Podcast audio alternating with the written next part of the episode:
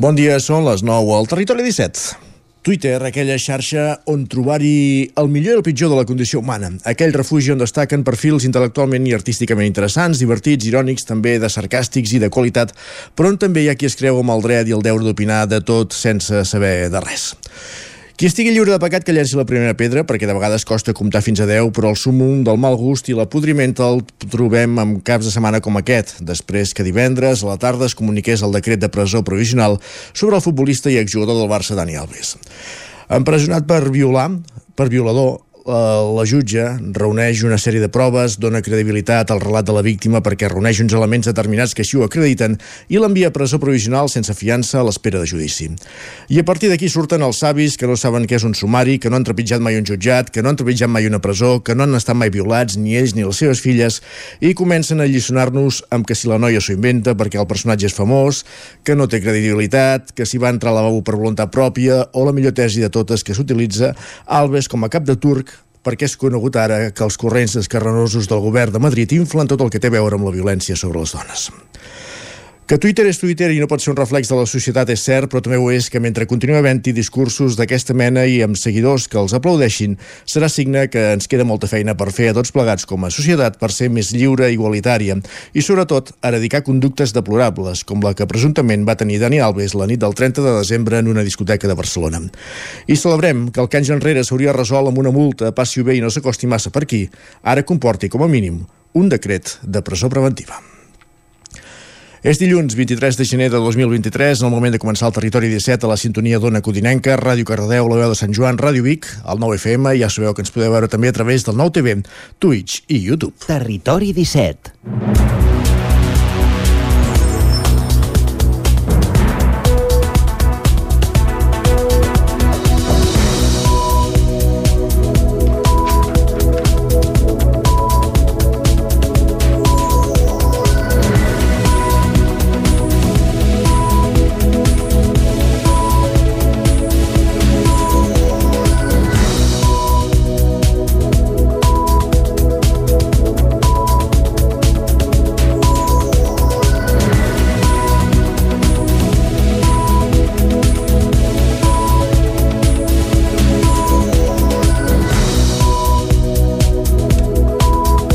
Minuts que passen del punt de les 9 del matí en el moment de, de començar el territori 17 d'aquest dilluns 23 de gener de l'any 2023.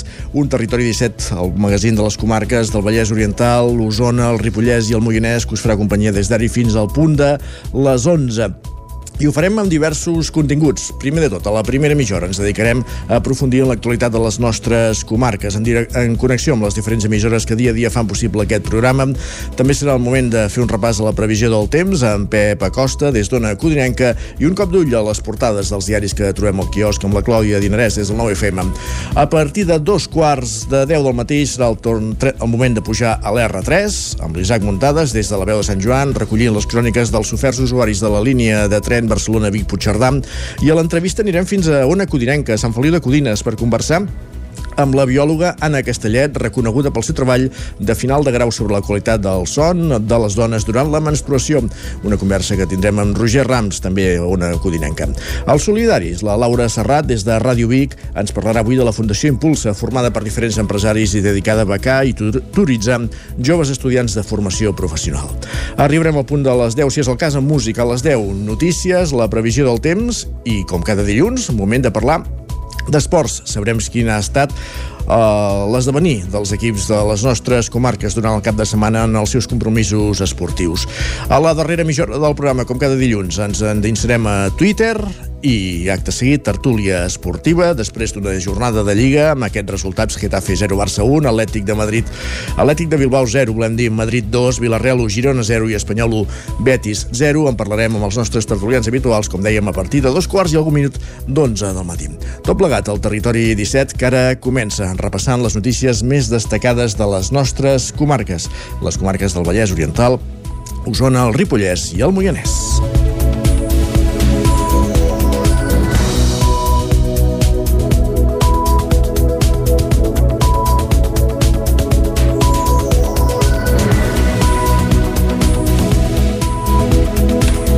Ni l'alcalde de Folgueroles, Xavier Rubiró, ni cap dels membres del seu equip de govern de Desperta Folgueroles, vinculat a Esquerra, es tornaran a presentar a les eleccions municipals del mes de maig. Clàudia Dinarès. L'alcalde de Folgueroles, Xavier Rubiró, que es va estrenar l'any 2019 amb majoria absoluta, no optarà a la reelecció. Ni ell ni regidors de l'equip de govern que l'han acompanyat durant el mandat sota les sigles de Desperta Folgueroles vinculades a Esquerra Republicana. Tenen clar que el compromís que havien adoptat era per 4 anys. Xavier Rubiró és l'alcalde de Fogaroles.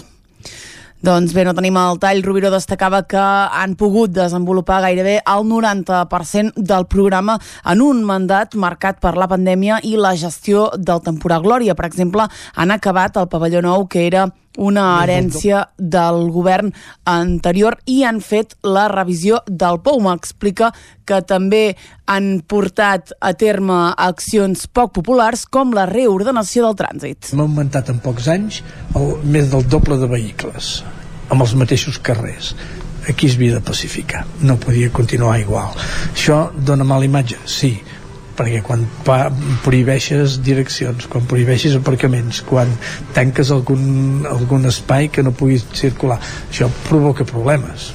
Però algú ho havia, ho havia de fer, no? Des del govern també tenen alguna espina clamada, eh, clavada pels projectes que els han quedat pendents, com fer un espai exterior pel jovent o un local pel grup de teatre. Malgrat tot, Rubiró valora positivament el pas del grup per la política municipal. I ho recomano a tothom sinó com a alcalde, com a regidor, però jo em sembla que involucrar-se en un projecte d'aquest és eh, no obligat, però és recomanable i és un honor.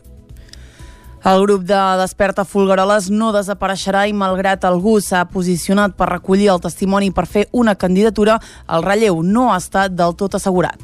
Més qüestions. La, el grup parlamentari de la CUP, Nou Cicle per Guanyar, registra una proposta de resolució per l'extensió al Parlament, volem dir, una proposta de resolució per l'extensió i la millora del transport públic nocturn a Osona amb connexió amb Barcelona. Una proposta que es debatrà a la Comissió de Territori del Parlament. La proposta de resolució vol fer incrementar l'oferta de les línies nocturnes entre les 10 i les 6 del matí. L'oferta que hi ha en aquests moments en aquesta franja horària asseguren que obliga els usuaris a dependre del seu vehicle privat. També insten el govern a extendre els serveis de la línia R3 de Rodalies, que actualment s'inicien i finalitzen a Vic fins a Torelló amb parada Manlleu. A Osona, eh, durant els darrers mesos, la demanda per la creació d'un servei de bus nocturn s'ha aprovat aprovat per unanimitat als plens dels ajuntaments de Vic, Manlleu, Torelló i Tona, així com també el ple del Consell Comarcal d'Osona. Més qüestions. L'empresa usonenca de Manlleu, en concret, Antesis La Bola, presenta el llibre que commemora els 40 anys de trajectòria empresarial. Entesis La Bola, nom actual de l'empresa manlleuenca La Bola, va fer un acte dimecres a Manlleu per presentar el llibre que commemora els 40 anys de trajectòria empresarial. L'empresa va néixer amb un com un projecte pedagògic arrelat a Osona. De fet, un dels primers propòsits era crear una escola de la natura per mestres, de manera que poguessin aprendre ciències naturals a partir de la seva realitat més propera, amb l'objectiu que ho acabessin traslladant als alumnes de les seves respectives escoles. El projecte, però, al llarg dels anys ha crescut i i ara ajuden a organitzacions i territoris en la transició a nous models de desenvolupament sostenible. Una evolució que, segons Pere Colomer, autor del llibre, l'empresa sempre ha donat resposta a les preocupacions socials relacionades amb la sostenibilitat. D'alguna manera, totes les preocupacions que han anat apareixent a la societat catalana i espanyola a l'entorn de la sostenibilitat a l'entorn d'aquests 40 anys han tingut una resposta per part de la bola per ajudar-nos agents socials a fer front a aquests nous reptes i a aquestes preocupacions. Actualment els reptes que es plantegen tesis la bola són tots aquells que tinguin a veure amb les necessitats de tenir una estratègia de responsabilitat social amb les empreses, com analitzar la petjada de carboni per reduir-ne les seves emissions.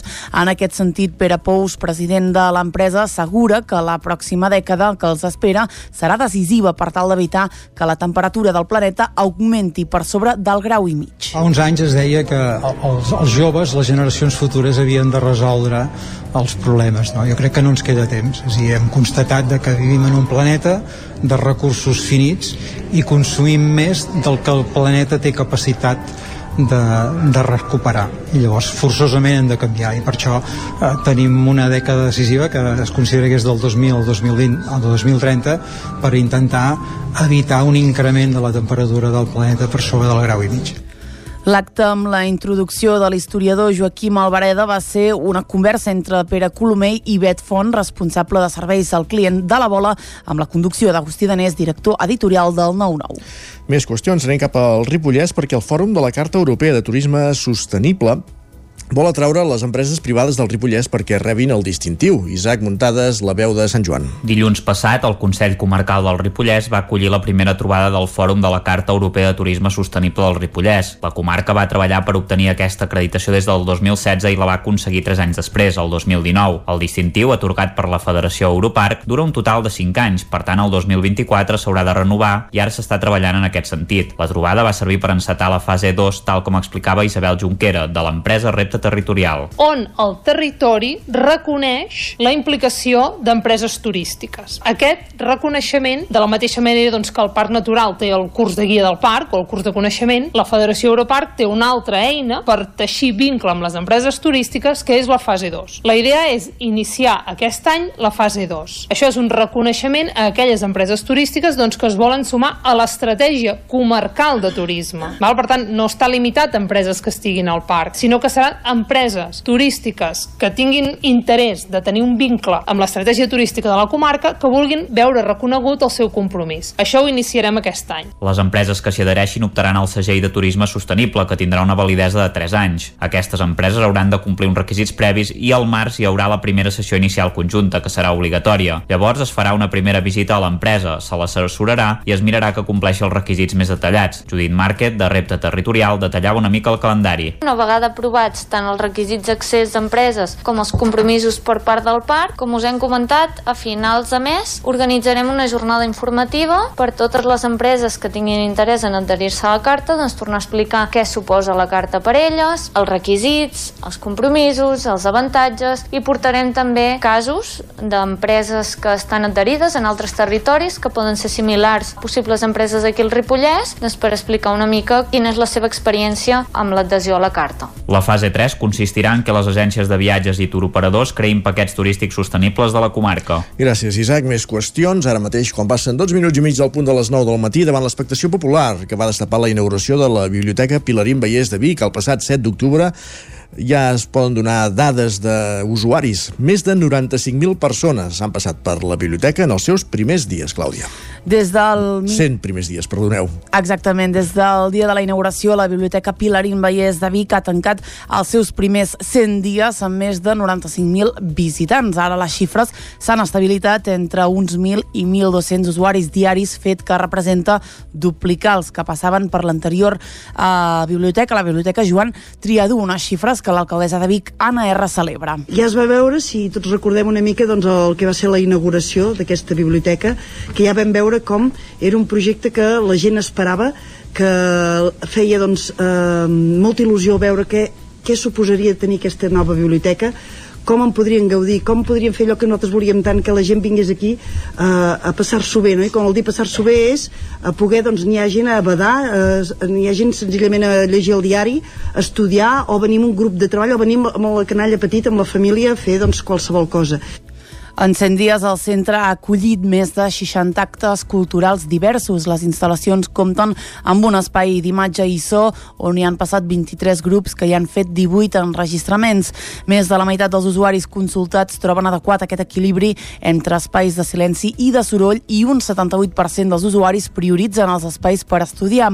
Altres serveis que han esdevingut pols d'atracció de la biblioteca han estat l'oficina d'atenció a la ciutadania on han rebut més de 3.000 tràmits o l'espai multilingüe, on hi han passat més de 500 alumnes. A més, tot això s'ha reformat amb la posada en marxa del nou servei de bar i restaurant.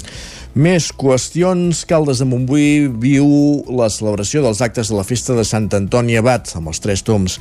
Roger Ram, zona codinenca.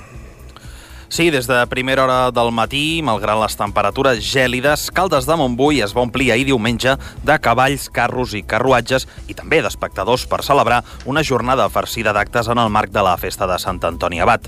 Després de l'esmorzar del Traginer es va donar el tret de sortida a la passada dels Tres Toms pel carrers del poble que va agrupar fins a 100 animals muntats i més d'una quarantena de carros que van ser beneïts pel mossèn de la parròquia de Santa Maria de Caldes. Si bé l'any passat els efectes de la pandèmia sobre aquesta festa festa eren ben visibles, enguany s'hi ha sumat la inflació que ha fet enrere molts propietaris de cavalls a participar en celebracions com la dels Tres Toms i que en alguns casos ha obligat a vendre bestiar degut a l'increment de preus. Tot i així, el president de la Facultat de Caldes, Joan Bellavista, valora la jornada d'ahir com una de les més multitudinàries. Mira, si haig de fer una valoració dels tres toms, us puc dir doncs, que han estat fantàstics. Hi ha algú que he trobat pel carrer que ens els ha valorat com els segons tres toms eh, més eh, vistosos de, la, de, de les Rodalies. Eh, primer eh, Vilanova, que indiscutiblement Vilanova és, és el súmum, i, però al darrere ens qualificaven a nosaltres. La participació ha augmentat respecte d'altres anys. Aquest any hem comptabilitzat 41 carros i un centenar, de, centenar llarg de cavalls. Ja a la tarda va ser el torn del tradicional ball de plaça, que també va plegar molts curiosos a la plaça de la Font de Lleó per veure com les diferents colles del poble, tant de joves com les de més veterans, ballaven la tradicional dansa, on, atenció, hi van participar més de 150 parelles de balladors. Ja acabem de fer la tarda, ara mateix, al ball de plaça, i exactament el mateix. Acabem de mobilitzar més de 160 parelles que han ballat en les diferents colles del Ball de Plaça. Fins tard, ja fosquejava, hem estat ballant. Hem quedat glaçats de, pel fred, però ha valgut la pena. La propera cita a Caldes, relacionada amb la festa de Sant Antoni, serà el dia 7 de maig, quan Caldes aculli, com a capital catalana dels Tres Toms d'enguany, la trobada nacional, on s'hi espera un elevat nombre de cavalleries. Gràcies, Roger. I també va haver-hi celebració dels Tres Toms aquest cap de setmana a Cardedeu. Ens explica els detalls d'aquesta celebració en Pol Grau, des de Ràdio Televisió Cardedeu. 17 de gener és quan es celebra la festivitat de Sant Antoni Abat, el protector dels animals. La data és celebrada als territoris de parla catalana i en el cas de Catalunya s'acostuma a celebrar amb els tres toms. Cavalcada, que té lloc el diumenge més proper a la data i on, com bé indica el nom, cavalls i ponis fan tres tons pel centre de la vila, passant per alguna església o ermita on es beneeixin els animals. Eh, no. Hem anat a Can Tram, um, llavors hem, hem agafat els ponis eh, i els hem preparat. Llavors, I hem posat el remolc, ja han vingut els dos camions i ara anem a cinxar. I pues, ficarem les brides i muntarem i farem unes quantes voltes pel poble. A Caradeu, els cavallistes s'han concentrat a les 12 del matí al passeig Mestre Alexandri, on s'ha iniciat la desfilada encapçalada per la banda musical Pau Casals. La cavalcada ha sigut seguida per un bon nombre de cardedeuencs i han pogut trobar-hi gent com la Chiara, una italiana que enguany ha decidit sumar-se a la tradició. Pues sí, nunca había venido. Bueno, me, me, encanta, me encanta mm, toda la gente que se reúne por el, en el pueblo, es muy familiar. Mi perro se llama Odín, y bueno, aquí en compañía de amigos, celebrando un poquito el domingo. Passant per davant de l'església de Santa Maria, enguany és del mossèn Albert que ha beneït els saquins i totes aquelles mascotes que s'hagin volgut acostar. Gràcies, Pol. Aquí aquest repàs informatiu que començàvem al punt de les 9 del matí en companyia de Clàudia Dinarès, Roger Rams, Isaac Muntades i Pol Grau. Un moment al territori 17 de saludar també en Pep Acosta.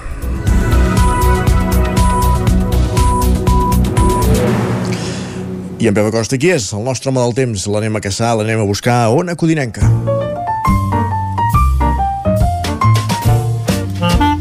Casa Terradellos us ofereix el temps. Després d'un cap de setmana amb temperatures gèlides, podem ja començar a parlar d'onada de fred, però tots els detalls d'aquesta jornada, d'aquest cap de setmana gèlid, els té, com dèiem, en Pep Acosta. Pep, benvingut, bon dia. Hola, molt bon dia. Per fi som dilluns, per fi comença una nova setmana Esperem que tot estigui bé, que tots estigueu molt bé. Uh, última setmana sencera ja d'aquest mes de gener. Uh, aviat ja haurem uh, acabat eh, el primer mes de l'any. Ja veieu com va de pressa aquest 2023. I estem in instal·lats de ple amb una ondada de fred. Ara sí que es pot dir ja que és una onada de fred. Temperatures molt baixes ja bastants dies seguits jo realment els primers dies de, de fred no m'esperava, no m'esperava tant, tant de fred, un ambient tan fred tants dies, i ja es pot dir això, eh? que estem instal·lats a una de fred, que jo crec que feia bastants hiverns que no teníem tant, tant de fred durant tants dies uh, seguits. eh, tot el cap de setmana unes temperatures mínimes molt baixes, entre els 5 i els 10 sota zero, a moltes, moltes zones, per sota dels 10 sota zero al Pirineu, i inclús per sota els 15 sota zero a algunes zones més altes del Pirineu. Uh, realment unes temperatures de molt cru, de molt cru hivern. I avui aquesta nit també, eh? Unes, molt baixes, molt baixes, a la plana de Vic, a Moianès, entre els 7, 10 sota 0, eh, cap al peritoral, entre el 0 i els 5 sota 0, eh, i el Pirineu per sota d'aquests 10 graus sota 0. Hi van unes 4 o 5 nits seguides amb aquestes temperatures molt i molt baixes, i això ja és eh, una cosa bastant inusual en els últims anys. Uh, de moment, ha nevat força al Pirineu, també ha canviat la cara, hi ha molta més neu, llàstima que ens falta la pluja, eh? no acaba d'arribar la pluja, no, no, no hi és, no hi és, no hi és. I el dia d'avui tampoc hi serà la pluja. Avui tindrem un dia força assolellat al matí, amb aquestes temperatures tan fredes, a la tarda s'ennubularà, hi haurà més núvols, però sense conseqüències. No hi haurà precipitació. Això sí, les temperatures amb aquests núvols encara quedaran igual o més baixes que les d'ahir. Uh, vull dir, atenció, perquè és que les temperatures uh, gairebé totes, a totes les poblacions, entre els 5 i els 10 graus de tot estirar. Lògicament, en zones de muntanya uh, no, no sobrepassaran els 0 graus en cap moment. Per sota els 10 graus durant tot el dia, eh? unes temperatures molt i molt, molt baixes. Uh, I atenció demà, no vull avançar res, demà matí concretaré encara més, però atenció demà, demà que podem tenir alguna precipitació, uh, jo crec que serà en forma de neu a partir de 300-400 metres. Però bueno, no vull avançar perquè els mapes ballen i encara no, no és segur, eh? però podem tenir una enfarinada al Vallès i al Moianès. Sobretot serà una, pobla, una, una precipitació a prop del mar, cap a l'interior no crec que vegi nevar, però cap a Moianès i el Vallès podem tenir alguna precipitació de neu a 400 metres. Uh, demà acabem d'afinar, però ja dic, uh, la cosa està molt i molt interessant. Moltes gràcies i a disfrutar d'aquesta onada de fred que fa tants anys que no teníem. Per fi, per fi, tenim aquesta onada de fred per fi fred a casa nostra. Gràcies, adeu. Gràcies a tu, Pep. Demà ens ho afines, que preferim que ens ho afinis tu que no pas la Fiscalia. Va, parlem d'aquí una estona. Fins ara mateix. Casa Tarradellas us ha ofert aquest espai. I del temps cap al quiosc. Perquè és moment de saber, Clàudia Dinarès, benvinguda de nou. Quines Gràcies. són les portades avui dels diaris que trobem al quiosc? És dilluns, per tant, comencem per les portades del 9-9. Exactament, bon dia de nou. Comencem concretament amb l'edició d'Osona i el Ripollès, eh, que diu Segalés compra Comas Olives, que gestionava les línies de Sant Julià i Vilanova de Sau. L'empresa ballesana integra la seva estructura, els treballadors i els vehicles eh, que tenia altres titulars. Junts per Tona farà llista pròpia al marge de la que impulsa l'exalcalde Josep Salom eh, i Torelló prorroga el pressupost perquè no ha aconseguit el suport de cap grup a l'oposició. També veiem eh, encara Torelló i Manol Àries, que aquest cap de setmana ha fet parada al Sirvianum. Uh -huh. Anem a l'edició del Vallès Oriental que diu els treballadors d'Amazon a Martorelles aniran a la vaga si no milloren les indemnitzacions. L'empresa ofereix un xec únic de 3.000 euros pel trasllat a la planta de Saragossa.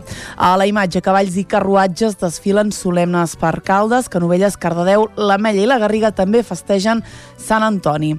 Altres titulars que ens deixa aquesta edició, les franqueses i llenars als municipis ballesans que més han progressat contra la segregació escolar. I en una altra de les imatges de la portada, damnificats pel Lòria a Cànoves continuen alerta sense casa.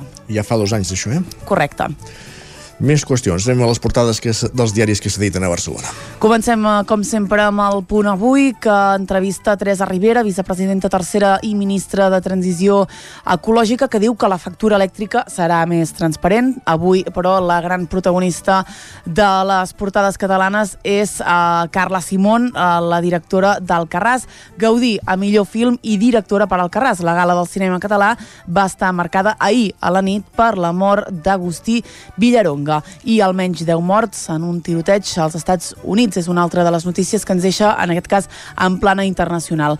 Anem al diari ara. El gasoducte Vermar d'hidrogen verd arribarà fins a Alemanya. L'anunci fet a la cimera de París entre Scholz i Macron reforça el finançament de la infraestructura. A la imatge aquí veiem és Agustí Villaronga, diu el cineasta que va mirar la maldat de cara al director de Panegra, mort de càncer, va rebre el reconeixement dels companys als Premis Gaudí. També veiem, per suposat, Carla Simón, que diu triomfa als Gaudí. Cinc estatuetes per Simón. Exactament. Anem al periòdico que diu petits propietaris de pisos surten del mercat de lloguer. Tornem a veure Carla Simón. Diu Alcarràs brilla als Gaudí. Simón guanya els premis a millor pel·lícula i direcció, mentre que Pacifiction s'emporta el guardó en llengua no catalana.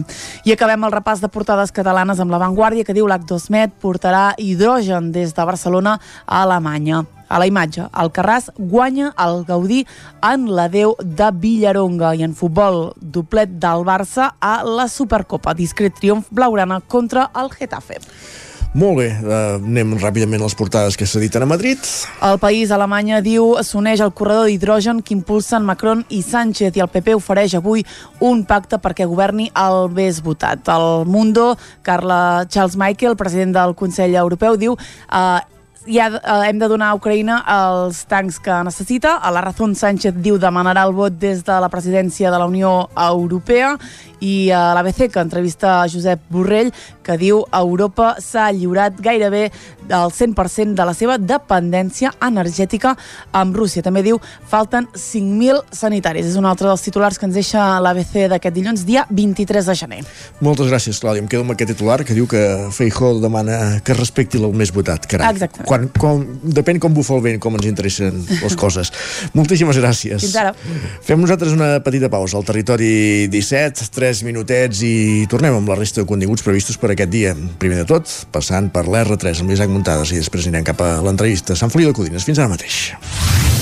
El nou FM, el nou FM, el nou No t'ho creuràs. M'ha trucat el servei tècnic oficial de Saunier Duval perquè han detectat a distància que li falta aigua a la caldera. Era a casa i no me n'havia adonat. I què has fet? Res, perquè el meu servei de manteniment Mi Saunier Duval Connect m'ha donat una solució en qüestió de minuts. Informeu-vos a connectivitat.saunierduval.es. Saunier Duval, sempre al seu costat. Has esperat que arribi el fred per comprovar si et funciona bé la caldera? No pateixis, a Casa Jové som especialistes en manteniment, reparació i revisió d'equips d'aigua calenta i calefacció, tant en l'ambient domèstic com industrial. Si tens una avaria, no ho dubtis. Som Casa Jové. Ens trobaràs al carrer Girona, número 9 de Vic i al telèfon 93 886 1596. Casa Jové, el teu servei tècnic de confiança. Al forn de pa i pastisseria Glina hi trobareu una gran varietat de pans de producció pròpia amb farina de blat i de molts altres tipus, tots elaborats al nostre obrador. També us oferim tortells, braços de gitano, coques, brioixeria i pastes seques i pastissos personalitzats. I ara també ens trobareu al Mercat Municipal de Torelló. Forn de pa i pastisseria Glina, carrer Major número 9 de Sant Vicenç de Torelló i Mercat Municipal de Torelló. Bon dia, són les 9 al Territori 17. Hola, Miquel Parella, alcalde. Cada matí i durant dues hores t'acompanyem i et posem al dia de l'actualitat de casa nostra. Potenciant així l'autonomia En aquest cas, me la peça el taler, si no... Cursos per feminitzar el pensament masculí. Territori 17, el magazín matinal d'Osona, el Moianès, el Ripollès i el Vallès Que Oriental. la meva àvia de 93 El anys... 9 FM, el 9 TV, el 99.cat i també els nostres canals de Twitch i hora YouTube. demà per fer-se un tatuatge. Cada matí, Territori 17. Ole. Anuncia't al 9FM. La màquina de casa. 9 3 8 8 9 4 9 4 9. Publicitat arroba al 9FM.cat. Anuncia't al 9FM. La publicitat més eficaç. Cocodril Club. Si t'agrada la bona música dels anys 60, 70 i 80, escolta el 9 FM als matins de dissabtes i diumenges d'11 a 1. És el temps del Cocodril Club, tot un clàssic de la ràdio, amb les bases del pop-rock, les llegendes, les cançons que s'han convertit en autèntics himnes. Recorda, dissabtes i diumenges al matí, d'11 a 1, al 9 FM 92.8. Cocodril Club. El programa revival de l'Albert Malla. Hasta luego, Bon dia, són les 9 al Territori 17. Demà Miquel Parella, alcalde. Cada matí i durant dues hores t'acompanyem i et posem al dia de l'actualitat de casa nostra. Potenciant així l'autonomia En aquest cas me la peça el si no... Cursos per feminitzar el pensament masculí. Territori 17, el magazín matinal d'Osona, el Moianès, el Ripollès i el Vallès Oriental. Que la meva àvia de 93 el anys... 9 FM, el 9 TV, el 99.cat i també els nostres canals de Twitch i hora YouTube. demà per fer-se un tatuatge. Cada matí, Territori 17. Ole. Territori 17.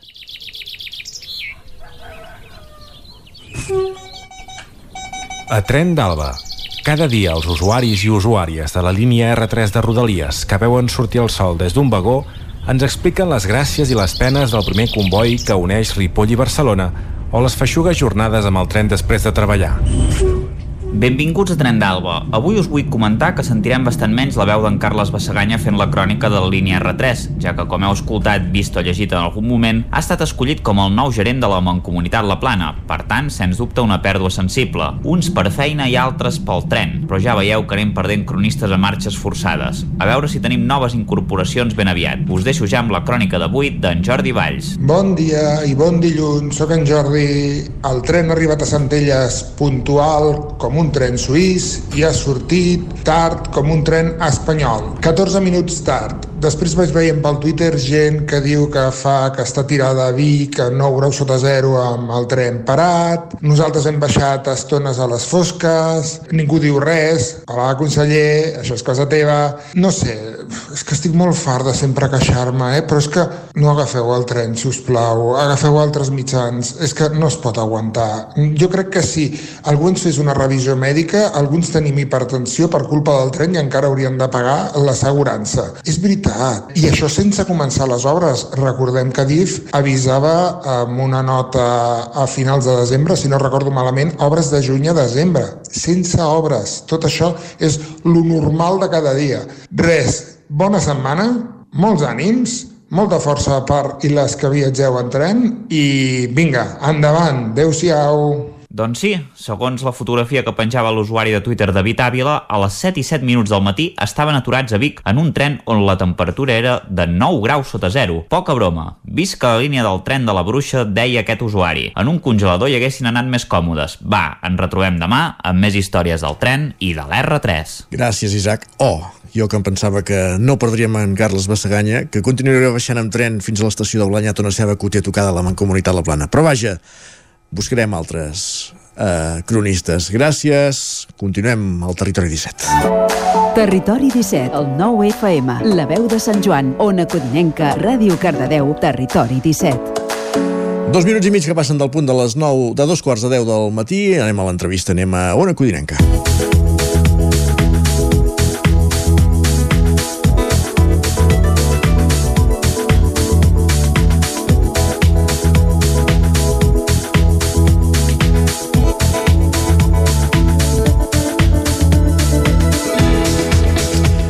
Setmana passada els explicàvem que la biòloga codinenca Anna Castellet ha guanyat un premi pel seu treball de final de grau que parla sobre la qualitat del son de les dones durant la menstruació. Anna Castellet és avui als estudis d'Ona Codinenca en companyia d'en Roger Rams. En Roger, benvingut, bon dia. Què tal, bon dia? Com estem? Fred, a Sant Feliu també o no? Fred, fred, fred, aquest matí, eh, bueno, gèlid, gèlid, aquí Molt a Sant bé. Feliu. Ja ho, ja ho comentava el Pep, ara. Exacte. Sí, sí. Tu diràs. Bé, doncs, com, com deies, Isaac, m'acompanya ja aquí als estudis l'Anna Castellet. Primer de tot, Anna, bon dia, gràcies per ser aquí i Bon enhorabona pel teu eh, premi. Moltes gràcies a vosaltres. Aviam, fes-nos una breu introducció en aquest treball que, que has desenvolupat i que, que també ha estat premiat una mica. Hem sapigut que és eh, relacionat amb la qualitat del son durant la menstruació, però volem saber més a fons que, quin contingut hi ha en aquest treball. Mm. Bueno, és, és, no només és durant la menstruació, és durant tot el cicle menstrual, o sigui, durant tot el mes o el que duri, depèn de la dona, no? I res, els hi va, al grup on vaig fer la investigació, els, ja feia temps que ho estaven investigant, i no només amb la qualitat de la son, també amb altres aspectes que ara, ara en parlarem, si voleu, però vam voler veure si hi havia alguna relació entre, o sigui, alguna relació biològica entre la quantitat d'hormones, les fluctuacions d'hormones que hi ha durant tot el cicle i la, la qualitat de la vida de la dona en general. Llavors jo em vaig centrar en la qualitat de la son, Mhm. però també miraven ansietat, miraven eh, estrès, miraven eh, benestar en general, miraven moltes coses depenent de, de diferents testos psicològics i correlacionaven les dades. Llavors, mm, no sé, No, ens deies el son i més aspectes, per exemple. Sí, el, això, l'ansietat, la depressió i el benestar de la dona. Mhm. Llavors tu... Ah, Perdona, perdona, continua. Sí. Et digues, digues. No, no, anava a preguntar eh, quines són les conclusions. De, de fet, eh, eh, afecta eh, el, tot el cicle menstrual el que és la son? Amb, quin, amb quins aspectes eh, afecta, per entendre'ns? Bé, les conclusions són una mica eh, confidencials perquè l'estudi encara no s'ha publicat, és a dir, jo vaig fer la meva part, diguéssim, amb les persones que em van acompanyar i vam presentar el treball i, i tot això, però um, per part del, de l'equip d'investigació, com que no han publicat encara els resultats, ho faran en breu, suposo, i ja us ho enviaré, um, no puc revelar encara res. Ens esperarem. Uh, com sorgeix Bueno. la idea d'investigar en aquest sentit? Mm, bueno, a l'estudi en el que, o sigui, el que, la part que vaig fer jo està englobada dins un estudi molt més gran que, que parla de- d'altres aspectes, no? també relacionats molt amb la salut de la dona, però també parla d'embarassos, parla de canvis eh, en l'estructura cere- cerebral durant l'embaràs, durant el part, durant el postpart, i estudia aspectes molt amplis i, i a mi em van, bueno, com, com van proposar, o sigui, em van an- anunciar que estaven en aquesta idea i vaig dir, bueno, doncs és una idea que em crida l'atenció, a més eh, comentàvem fa un parell de setmanes que en general la salut de la dona ha estat sempre molt en, en un segon pla no? respecte a la de l'home, doncs perquè no, no, el motiu és bastant clar no? per la societat en la que, en la que estem i perquè només afecta un 50% de la població. No?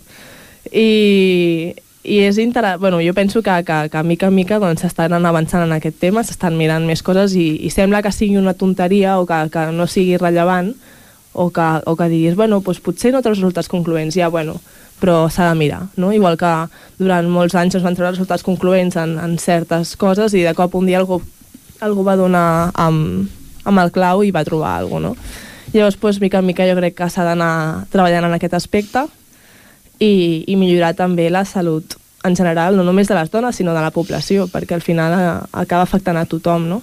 Mhm. La problemàtica del son, en concret, també és una de les que menys ens sentim a parlar en general. Uh, per què creus que, que es deixa també uh, dones a banda, eh? perquè, Mm, com deies, en en, tota la població, el tema de la salut del son es deixa com, com un segon pla. Es deixa en un segon pla i és un problema molt gran que tenim perquè mm, no ho dic en base científica d'haver treballat durant, d'haver estat treballant durant 30 anys, evidentment, vull dir, acabo d'acabar eh, la carrera, no, no tinc experiència enorme en investigació, però amb el que hem anat estudiant i, i tot el que sé que se sap, eh, el son és un, és que et diria que un dels processos fisiològics més importants que tenim en el nostre cos. L'únic que sembla que, que sigui molt més banal del que és. I a més, amb tota la condició social que tenim de pues, de, ens hem de llevar d'hora per anar a treballar, hem de fer, quan arribem a casa, pues, feines de casa, o hem d'anar a buscar no sé qui, o hem d'anar... Tenim un munt de, de responsabilitats i és com que si hem de treure d'alguna cosa el temps, la traiem de la son. La majoria de gent, no tothom, mm. hi ha gent que ho té molt consciència, eh? Mhm. Jo la primera. Jo la primera i, i molta gent estudiant m'entendrà a nivell d'estudis, dius, bueno, pues si he de dormir menys, dormo menys. I això a, a nivell fisiològic ens acaba repercutint de mil maneres. Vull dir, ja no només de cansanci o, o de rendiment, sinó de capacitat de retenció de memòria, capacitat social, capacitat de... de o sigui, en general, una mala qualitat, una mala higiene de la son és sinònim a llarg plaç, sobretot d'un malestar no només mental i, i físic, sinó de tot. Ja et dic, social, també d'agressió, d'un munt de, de coses. Home, ara, centrats en el son, eh, suposo que l'oient està esperant quines són les hores que hem de dormir. Mira, a mi això em fa molta gràcia sempre perquè a la uni ens diuen bueno, de dormir 8 hores i tal, jo pensant ja bueno, eso lo dices tu perquè dormir 8 hores no, no ho fa, bueno jo fa molts anys que no dormo 8 hores i, i si dormo 8 és perquè això no tinc res al dia següent i quasi ni en dormo ja 8 perquè mm, El em llevo ja sola, és- exacte, el ritme que jo he agafat biològic ja és un, ja és un altre, no? A veure, diuen que això, que la recomanació són 8, però també s'ha de tenir en compte que a mesura que ens anem fent grans eh, necessitem menys hores per dormir. Diuen que, o sigui, jo, per exemple, a mi els meus pares, jo de vegades veig que dormen 5 hores i penso, com esteu bé? Saps? Jo amb 5 hores vaig cansada, Mm -hmm. perquè jo potser sóc més jove i necessito més hores, llavors unes 8, jo per exemple, cadascú les té diferent, jo 7 i mitja vaig perfecte, més eh, vaig cansada i menys vaig també cansada i suposo que cadascú s'ha de trobar la, la seva, no? però al, al voltant d'unes 8. Mm. Perquè els, paràmet els paràmetres de la qualitat del son eh, es mesuren amb això, amb les hores que es dormen, o hi ha altres paràmetres a, a tenir en compte, diguéssim, no? per, per, per descansar no bé? Només amb la, no només amb les hores, es passava un test psicològic que ja està com determinat que, que o sigui, tu fas el test i t'acaba donant una puntuació i aquesta puntuació en relaciona la, la qualitat de, de, de son que tu tens. Et fan certes preguntes, algunes són qualitatives, de dir, pues, creus que mm, dorms bé, creus que no sé què, i les altres són més de, de numèriques, de pues, això, quantes hores has dormit, de l'1 al 10, quan diries que eh, rendeixes a nivell eh, mm, de, de, de pensar, no? com rendeixes a la feina, com rendeixes a la, a la classe, com rendeixes on sigui. Llavors, d'aquestes, totes aquestes preguntes en surt en un, com un score, un, un número, i amb aquest número es relacionen amb una qualitat o una altra de son. Abans ho apuntaves, malgrat que els temps estan canviant, eh, el món de la ciència, posem-hi un també, ha deixat en segon pla a les dones, perquè abans deies això, és un 50% de la població i per tant s'hauria de tenir com a mínim en compte en aquesta mateixa proporció, però en molts àmbits ja veiem que no és així. En el món de la ciència també? Eh, per suposat. I no només en investigació, sinó en oportunitats també. Vull dir, a nivell de feina és una feina com qualsevol altra, la d'investigadora i la de tot el que engloba la ciència, no? les sortides. Però en investigació, sobretot, i, i ara segurament no es veu tant, però ja no, només a nivell anatòmic ja es, not, es nota molt que tu t'estan explicant aquesta anatomia i hi ha molt més coneixement de l'home que de la dona. I si anatò- anatòmic, que són coses que vulguis o no, es, es veuen més ràpid, vull dir, són coses físiques, si parlo ja de coses mentals o hormones, que ja s'ha de fer una anàlisi més profund, ja, bueno, ni te cuento. Perquè a més és això, una cosa tan òbvia com, com la menstruació, que és una cosa que les dones teniu periòdicament cada mes, que, que s'hagi encara de- d'estar estudiant en, aquest, en aquests termes de, del vostre treball, no? diguéssim. Sembla mentida com si, que no s'hagi fet abans, per entendre'ns. Sí, sí, i la desconeixença que hi ha, i no només desconeixença tant de, de, dels homes que no la passen i, i de, o de, dels mascles que no la passen i de les famílies que sí que la passen. Vull dir, desconeixença a, a tot arreu. Inclús la gent que més en sap també se'ls escapen coses pues, perquè no, no... Mica en mica ja et dic, és, sembla molt derrotista, però Mm. s'està millorant molt. Mhm. Però clar, s'ha de millorar. O sigui, hem fet molt camí en els últims pues, 50 anys, però clar, és que en portem molts que no s'està estudiant, saps? I en comparació d'aquests 50 anys són un, un granet de sorra en, tot, en comparació amb tota la història de la ciència. Mm. Home, ara deies, hem de mirar una mica al futur, no cal ser derrotistes. Exacte. En el tema del cicle menstrual, quines són les línies d'investigació a seguir? És a dir, cap on s'ha d'encaminar la investigació? Molt bona pregunta. Mm, O on creus que hi ha més mancança? Clar, el que se sap molt bé és uh, com el, el cicle menstrual com a tal, es sap molt bé les característiques, es sap què és, no? però a la que hi ha una alteració, és a dir, es sap molt bé la base fisiològica, però a la que hi ha una patologia, una, una Mhm. fisiopatologia, ja està. Ja, ja, ja D'aquí comencen els problemes. Sí, el típic, típic eh, problema dels ovaris poliquístics, Mhm. que bueno, és una malaltia que tenen moltes dones però que no saben que la tenen perquè precisament no hi ha investigació i, i no se'ls diagnostica com a tal però jo et diria així sent, sent dona i sent jove que és on crec que un punt on es podria enfocar força i, i segur que ja s'està ja investigant perquè la solució que et donen sempre és hormonal les, les famoses antibabies Mhm. i, i n'hi ha molt d'altres on n'hi haurien d'haver moltes altres que no les antibabies que hi ha moltes repercussions en un futur de, doncs, d'infertilitat o del que sigui, que, clar, que hi ha molts efectes secundaris i és com que arribes a la consulta amb, un ovari, amb mm, símptomes d'ovari poliquístics, tu mira, et diuen, vale, sí, tens això, i tu, vale, què faig? pues, hormones, i tu, ja, si no vull, pues, no hi ha pues no, és exacte. Has de passar, no? Pel... I ara estan buscant alternatives, estan mirant de fer-ho en dietes, estan mirant de fer-ho amb altres coses, Mhm. però mica a mica. Uh, hem parlat d'aquest reconeixement que ha rebut aquest treball. Uh, entrem al detall una mica de quin és el premi, què, què implica, quina visibilitat dona, qui l'atorga. Bueno, és un premi que l'atorga a la càtedra Eugene UPF, que és pues, a, Suposo que, no sé si m'heu parlat... Sí, sí, i tant, i tant. Sí, no? sí. Um, la càtedra Eugene UPF, que bueno, amb la UNI, juntament amb, amb Eugene, que és un centre de reproducció assistida, doncs atorguen tres premis a, a la carrera de Biologia Humana en els diferents TFGs.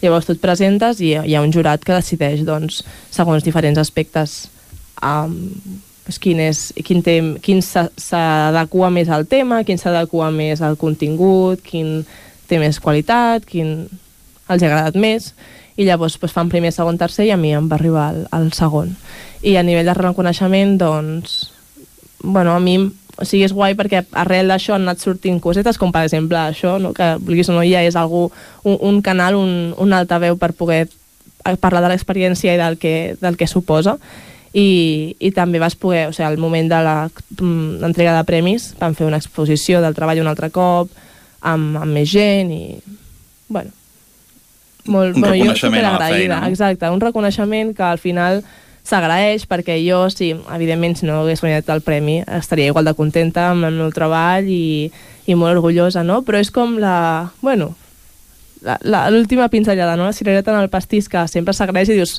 hosti, pues, ara sí que estic segura que, que ha valgut la pena perquè s'està reconeixent i s'està donant visibilitat. Mm.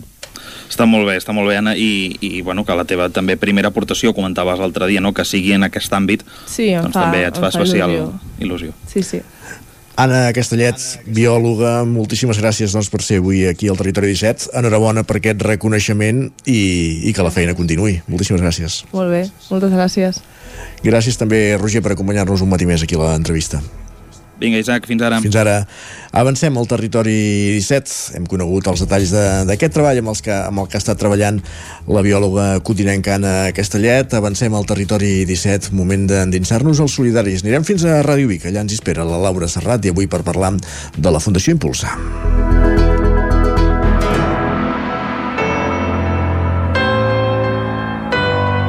Territori, territori 17. 17.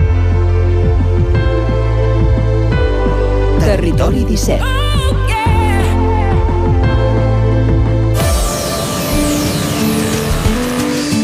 Els solidaris ja el coneixeu, l'espai que cada setmana ens acosten des de Ràdio Vic, la Laura Serrat, per conèixer iniciatives que es fan des del tercer sector, les entitats que treballen sense ànim de lucre per la resta, pels altres, i avui ens fixem amb la Fundació Impulsa, una fundació dedicada a tutoritzar i becar alumnes de cicles formatius, alumnes de formació professional, per formar-los en el camí doncs, cap a això, cap a trobar feina eh, en empreses industrials industrials de, de les comarques on opera, perquè sí que és cert que la Fundació Impulsa va néixer a Osona, però que ja opera en altres comarques també.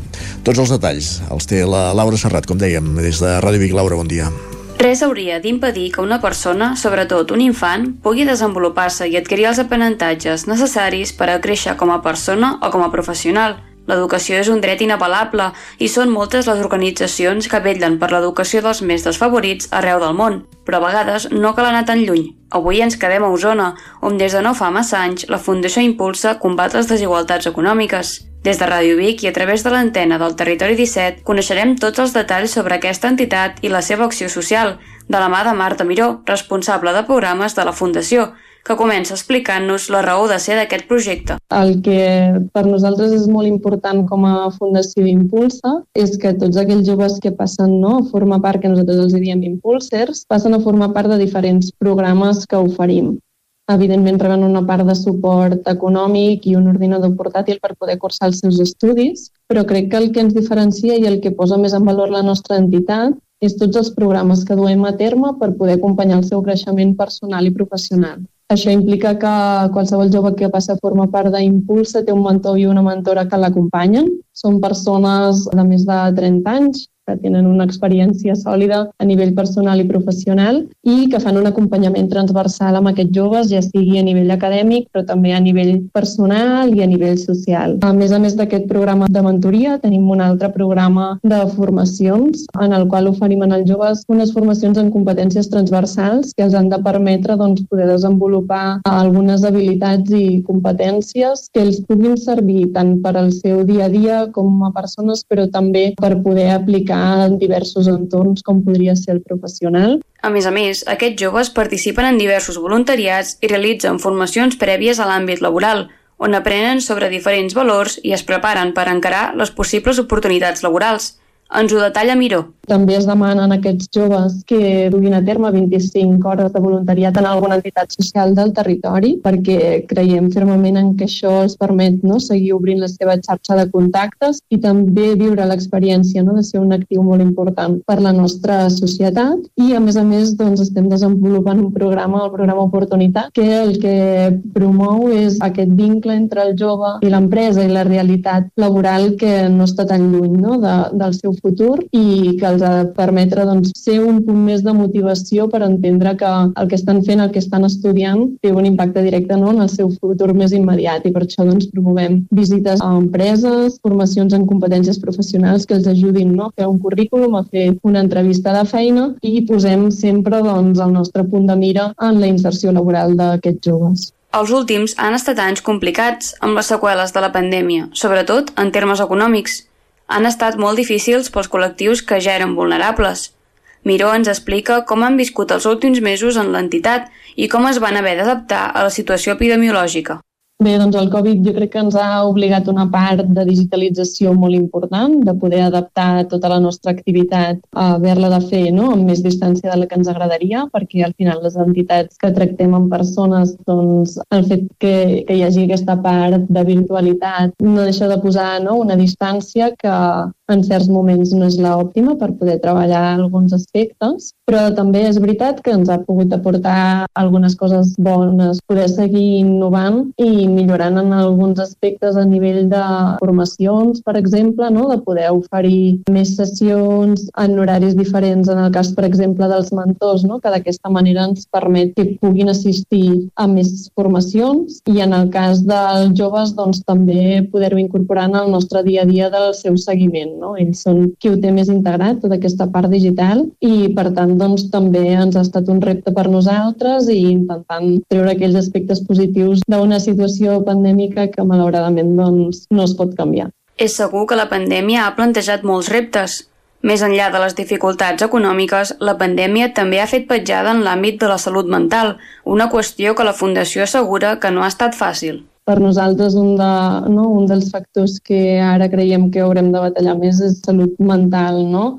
Del fet de que s'hagin viscut dos anys en què la sensació de solitud ha estat més alta per a alguns d'aquests joves que també doncs, se'ls ha restringit molt no? les activitats i el seu dia a dia en una etapa vital com és l'adolescència, no? de màxima expansió, de màxim contacte amb la gent, amb l'entorn, d'exploració individual i col·lectiva i, i el fet que la pandèmia doncs, els hagi tallat les ales en aquest sentit. Ara doncs, sí que veiem que d'alguna manera els està passant factura i això implica doncs, estar molt més alerta i molt més amatents a com va evolucionant. És per aquesta vulnerabilitat creixent que el nombre de persones becades ha incrementat.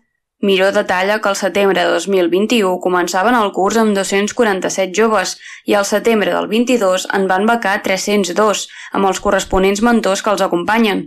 De fet, el 2015, quan van néixer, en tenien 16.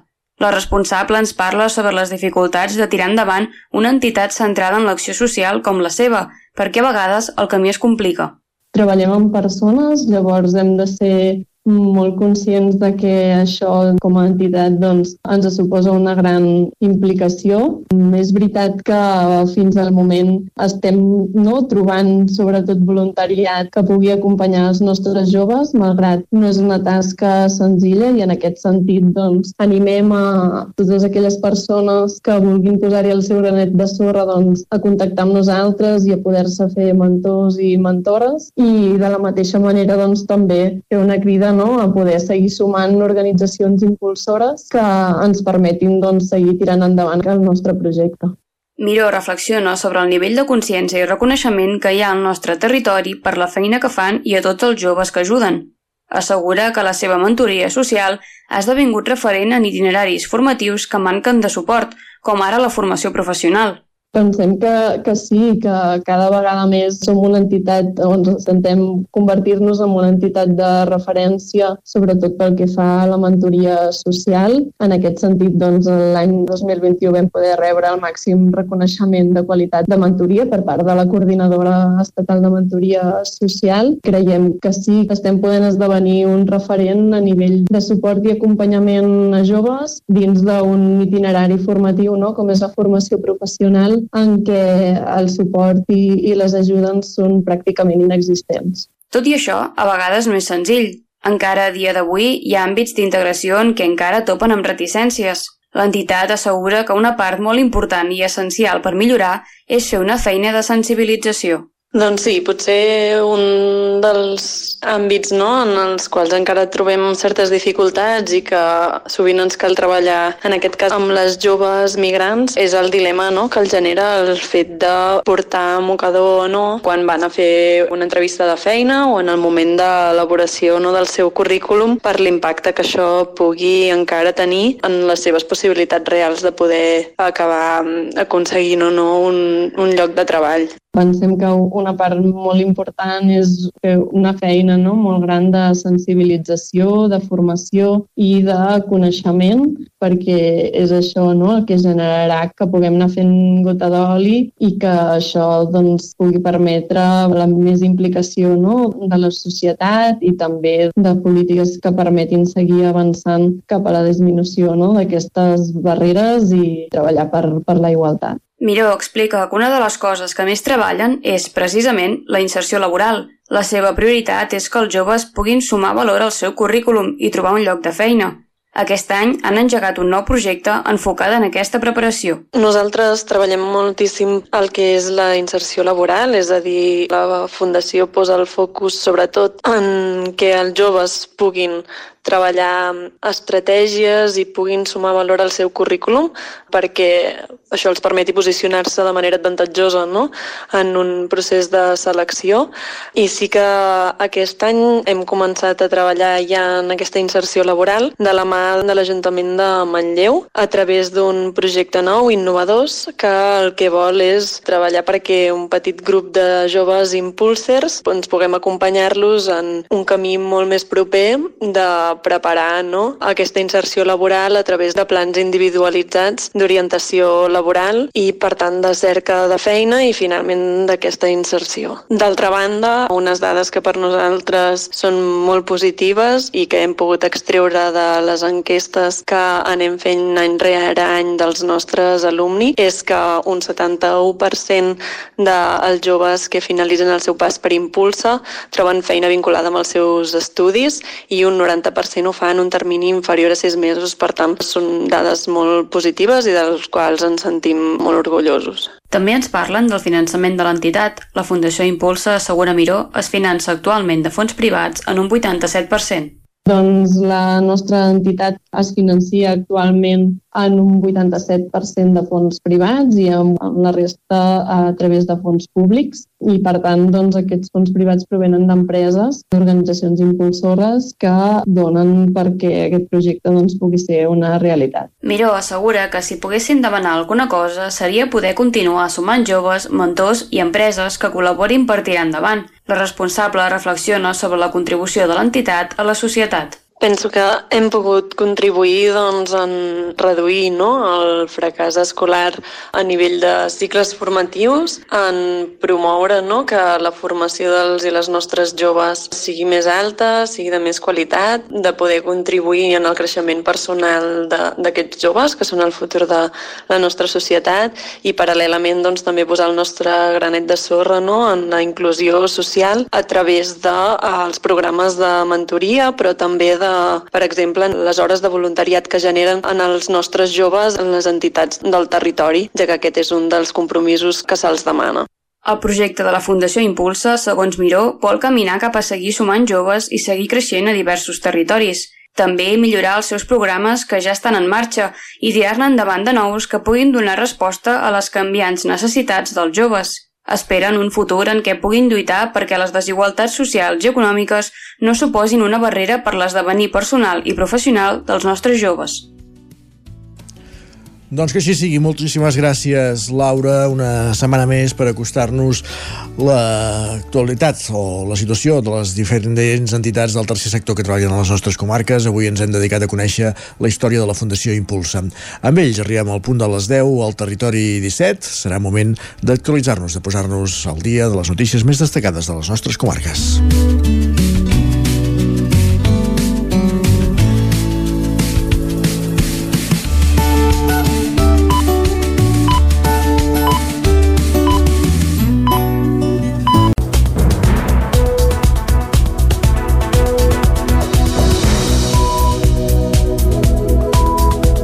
10 i el territori 17 en aquest matí de dilluns 23 de gener de 2023, 23 de l'1 del 23, és moment d'actualitzar-nos, de posar-nos al dia amb les notícies més destacades de les nostres comarques, el Vallès Oriental, Osona, el Ripollès i el Moianès, i ho fem en connexió amb les diferents emissores que dia a dia fan possible aquest programa. Ona Codinenca, Ràdio Cardedeu, Rad, eh, La Veu de Sant Joan, Ràdio Vic, i també ens podeu, el 9 FM, i també ens podeu escoltar per al 9 TV, Twitch i YouTube. El Tribunal Superior de Justícia de Catalunya rebaixa a 4 anys i mig la pena de presó al jove que va violar una amiga tornant de festa. La víctima és una veïna d'Osona, Clàudia Dinarès. Al juny de l'any 2022, l'Audiència de Girona va condemnar 9 anys i mig de presó un jove per violar una amiga seva d'Osona tornant de festa. Els fets van tenir lloc la matinada del 20 d'abril de 2019 quan van tornar d'una discoteca de Platja d'Aro i van anar a dormir a casa del condemnat a Sant Feliu de Guíxols. El tribunal va imposar-li una pena de 6 anys i mig pel delicte d'agressió sexual i una condemna de 3 anys pel delicte en grau de temptativa. Ara, després d'un recurs de la defensa i l'aplicació de la llei del només sí és sí, el Tribunal Superior de Justícia de Catalunya li ha rebaixat la pena a 4 anys i mig. D'una banda, el Tribunal ha estimat parcialment el recurs del processat i considera que no se'l pot condemnar pels dos atacs diferents comesos la mateixa nit, és a dir, els unifica en un de sol. Per això se l'absol de l'intent d'agressió sexual. D'altra banda, se li rebaixa la pena en l'aplicació de la llei de garantia integral de la llibertat sexual, tal com argumenta el Tribunal de Justícia, la pena mínima abans de la reforma se situava a 6 anys de presó, mentre que ara és de 4. Més qüestions. Ni l'alcalde de Folgueroles, Xavier Rubiró, ni cap dels membres de l'equip de govern de Desperta Folgueroles, vinculat a Esquerra, es tornaran a presentar a les eleccions del mes de maig. L'alcalde de Folgueroles, Xavier Rubiró, que es va estrenar l'any 2019 amb majoria absoluta, no optarà a la reelecció. Ni ell ni els regidors de govern que l'han acompanyat durant tot el mandat sota les sigles de Desperta Folgueroles vinculades a Esquerra Republicana. Tenen clar que el compromís que havien adoptat era per 4 anys. Xavier Rubiró és l'alcalde de Folgueroles jo he repetit sempre que serien 4 anys però estem acostumats que els polítics eh, fem 4 anys i com que els projectes no s'acaben en fas 4 anys més eh, i ho entenc, eh? ho entenc perquè un cop tens la dinàmica però jo tenia clar, i l'equip també eh? però sobretot jo tenia molt clar que eren 4 anys Rubiró destaca que han pogut desenvolupar gairebé el 90% del programa en un mandat marcat per la pandèmia i la gestió del temporal Glòria. Per exemple, han acabat el pavelló nou, que era una herència del govern anterior, i han fet la revisió del POU. M'explica que també han portat a terme accions poc populars com la reordenació del trànsit. Hem augmentat en pocs anys el, més del doble de vehicles amb els mateixos carrers aquí es havia de pacificar no podia continuar igual això dona mala imatge, sí perquè quan pa, prohibeixes direccions, quan prohibeixes aparcaments, quan tanques algun, algun espai que no puguis circular, això provoca problemes. Però algú ho havia, ho havia de fer, no? Des del govern també tenen alguna espina clavada pels projectes que els han quedat pendents, com fer un espai exterior pel jovent o un local pel grup de teatre. Malgrat tot, Rubiró valora positivament el pas del grup per la política municipal. I ho recomano a tothom sinó com a alcalde, com a regidor, però jo em sembla que involucrar-se en un projecte d'aquest és eh, no obligat, però és recomanable i és un honor. El grup de Desperta Fulgaroles no desapareixerà, no desapareixerà i, malgrat algú s'ha posicionat per recollir el testimoni per fer una candidatura, el relleu no està del tot assegurat. Més qüestions. Comencen els treballs de reforma al carrer de la Fusina de Vic com a part per la millora integral de l'Eixample Morató. Els treballs estan pressupostats en 285.000 euros i tindran un període d'execució de 4 mesos. El carrer ha quedat tallat al trànsit per les obres i només hi poden accedir a peu els veïns i veïnes i clients dels comerços d'aquest punt de la ciutat. La reforma de la via, que va de l'encreuament amb el carrer del Trinquet fins a la plaça dels Màrtirs, es va aprovar el mes de febrer de l'any passat amb el vot en contra de Capgirem Vic.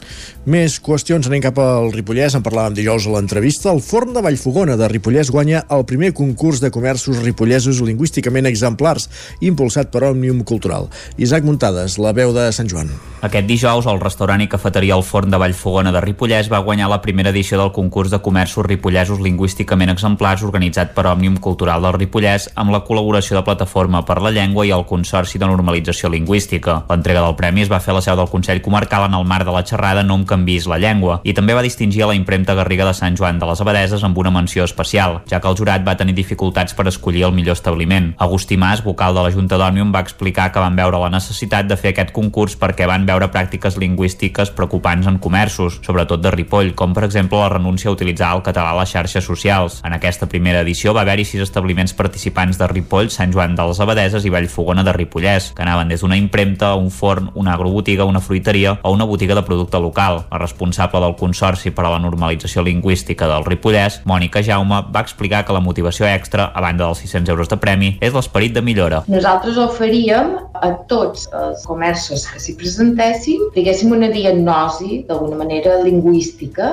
i la manera de poder millorar eh, en l'àmbit lingüístic. I això és molt important, perquè vol dir que tots els que s'hi han presentat tenen aquest esperit de millora i tant si han guanyat com no, que només ha pogut guanyar un, els altres també en treuen un rendiment, que és millorar l'àmbit lingüístic. En el cas del guanyador, Mas va destacar que produïa molt contingut i molt bé. També va apuntar que la llengua ha de ser necessària en el dia a dia per sobreviure, ja que si no és útil es perd. Tampoc no entenia que es percebi com a falta d'educació canviar d'idioma. Si jo intento aprendre català per sentir-me un més de vosaltres i vosaltres em tanqueu la porta als morros i no em parleu en català, és com que m'esteu dient no, tu no pots ser com nosaltres, tu no pots ser dels nostres. I això sí que és una discriminació i una falta d'educació. A les converses nosaltres podem, perquè veiem una persona que té uns trets físics diferents, no vol dir que li hàgim de canviar d'idioma. Potser aquesta persona ens entén o potser ha nascut aquí o potser parla millor que nosaltres fins i tot, o fins i tot potser és una persona adoptada, per tant que ella es considera d'aquí, filla de catalans, etc etc. Llavors, no per això hem de canviar d'idioma, parlem-los en català. A la xerrada que es va fer van intervenir-hi Toni Albar, Rosario Palomino, Matthew Three i Carme Sansa.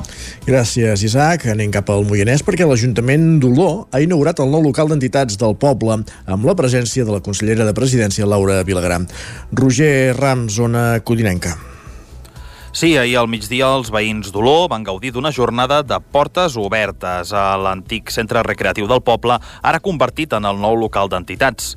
Després d'un any de reformes van poder visitar finalment les instal·lacions de la nova escola de música, els estudis de ràdio O10, el local del moviment júnior i un espai reservat per la resta d'entitats del poble. Xavi Baraut és l'alcalde d'Oló. Estem, bueno, orgullosos, molt orgullosos de, de poder presentar aquest centre tot i el, el complicat que ha sigut poder-la realitzar, amb tot el tema econòmic, tot el tema obres, però bueno, al final el poble podrà disfrutar, que és el que, el que, el que ens interessa a tots, bàsicament. L'edifici ja, es va, ja es va, quan es va fer tot el tema projecte a través de Diputació, ja és un edifici a consum zero. A més a més, com sentíem, l'edifici compta amb plaques solars que permeten que sigui autosuficient en matèria energètica. La inauguració va comptar també amb la presència de la consellera de la presidència, Laura Vilagrà des d'un punt de vista econòmic, Diputació de Barcelona amb una aportació important al propi Ajuntament i la Generalitat amb el POSC amb 370.000 euros, doncs haguem pogut donar sortida a aquesta necessitat important que tenia el municipi. Per tant, avui doncs, feliç, orgullosa de, de ser aquí i d'haver pogut col·laborar com a govern de la Generalitat a fer possible aquest equipament. De fet, l'hem visitat i és excepcional, és un edifici doncs, que s'ha fet doncs, amb molt de, de gust Ara l'Ajuntament d'Oló estudia rehabilitar l'espai abandonat entre els dos equipaments municipals més nous del poble, el centre recreatiu i l'espai a Malosa. Gràcies. Roger, més qüestions, també ho avançàvem la setmana passada a l'entrevista. Cardedeu ha inaugurat la Tèxtil Ras i la nova fàbrica de cultura. Pol Grau, Ràdio Televisió, Cardedeu. Aquest dissabte s'ha estrenat a Cardedeu la nova Tèxtil Race, un espai destinat a ser una fàbrica de cultura, centrat sobretot en les arts escèniques i la cultura comunitària, un acabament del qual el poble porta ja temps esperant poder-ne gaudir. La jornada ha començat amb un cercavila de les entitats del poble, iniciada a la plaça de l'Església i acabant el seu recorregut davant de la Tèxtil Race. Un cop allà, s'ha procedit amb la interpretació de diverses peces per part de l'agrupació coral cardedeuenca, com a inici de l'acte i rebuda de l'alcalde de Cardedeu, Enric Oliver, i la consellera de Cultura de Generalitat de Catalunya, Natàlia Garriga, contenta de poder inaugurar aquest espai després d'uns anys tan difícils per la cultura. L'acte ha seguit amb un documental produït per Mic Grup Audiovisual, fent un repàs de la història i rellevància de l'edifici pel poble, alhora que presentant-lo com a nucli de creació de cultura. Entre els entrevistats del documental hi ha hagut Josep Castells, qui també ha participat en la inauguració creant amb el taller Castells i Planes un mural encarregat per a l'ocasió. Finalitzat el documental, ha sigut el torn dels parlaments, per part de l'alcalde i la consellera de Cultura, qui ha esmentat com d'essencial és un edifici per fomentar la creació de la cultura comunitària en un poble com Caradeu, amb un alt índex d'artistes locals de gran qualitat. I abans de procedir amb la visita lliure del nou espai de Piscolabis, l'artista Quim Moy ha fet una actuació creant una peça dedicada a la tèxtil race en directe. Les autoritats locals han acompanyat a la consellera durant la visita per veure com es poden aprofitar els 3.500 metres quadrats dels que disposa la tèxtil race, finalitzant la visita amb la firma de llibre d'honors. Gràcies, Pol. I un apunt esportiu abans d'acabar, i és que a Sant Julià de Vilatorta, a Osona, s'ha creat un equip de futbol, infantil, de nenes encara, que té com a curiositat que està format per tres parells de bessones, Clàudia. Sant Julià de Vilatorta en dos anys ha passat de no tenir equips femenins a tenir-ne dos de base, un dels quals s'ha creat aquest any amb la singularitat que entre les 10 integrants hi ha dos parells de bessones i unes trigèmines que tenen un germà. La majoria tenen 9 anys, moltes són companyes de classe i competeixen en la Lliga del Consell Esportiu en categoria Benjamí a la Vi. Asseguren que tenen de gran referent la jugadora del Barça, Alexia Putelles, però també moltes de les seves companyes d'equip, com la futbolista de Borgunyà, Bruna Vilamala, la portera de Tagamanent, Gemma Font o León i Clàudia Pina. L'impacte social del primer equip femení blaugrana ha estat tan o més gran que els èxits que ha assolit i l'evidència és que cada any es creen nous equips amb nenes i joves. Gràcies, Clàudia, que aquí aquest repàs informatiu que començàvem al punt de les 10 en companyia de Clàudia Dinarès, Roger Rams, Pol Grau i Isaac Muntades. Moment al territori 17 de saludar de nou en Pep Acosta.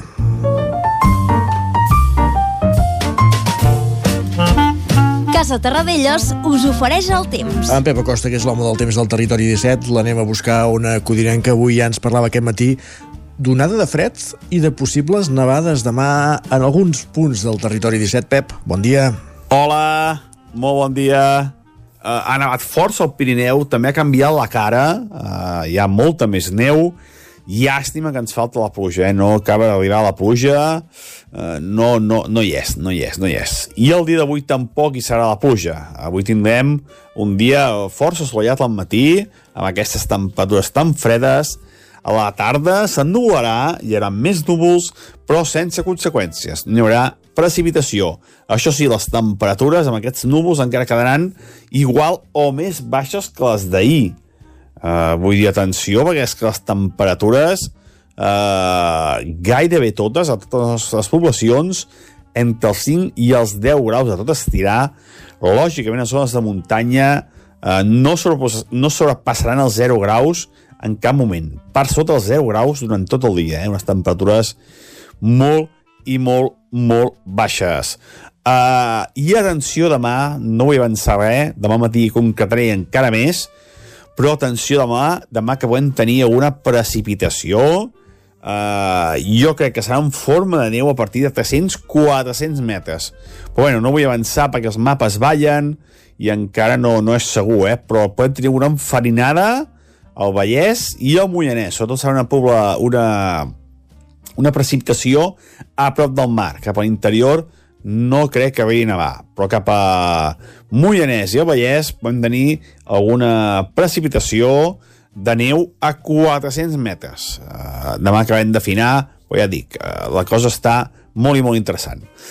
Moltes gràcies i a disfrutar aquesta onada de fred que fa tants anys que no teníem. Per fi, per fi, tenim aquesta onada de fred, per fi fred a casa nostra. Gràcies, adeu.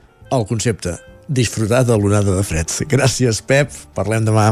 Casa Tarradellas us ha ofert aquest espai.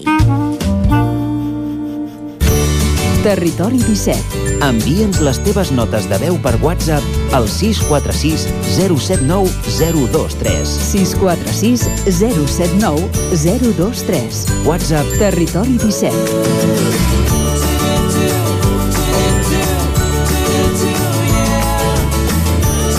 Territori 17. Som a Facebook, Twitter i Instagram amb l'usuari Territori 17.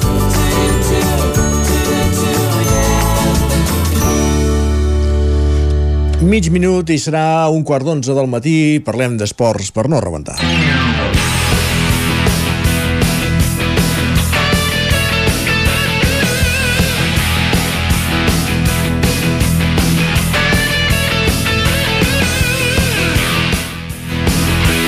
Doncs sí, parlem d'esports al territori 17 perquè volem saber com han anat tots aquells partits que us avançàvem divendres a l'agenda, una agenda que fèiem en roda per les emissores del territori 17 i per tant també els resultats els fem en roda pel territori 17.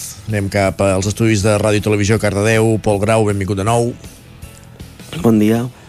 Com ha anat la jornada esportivament parlant?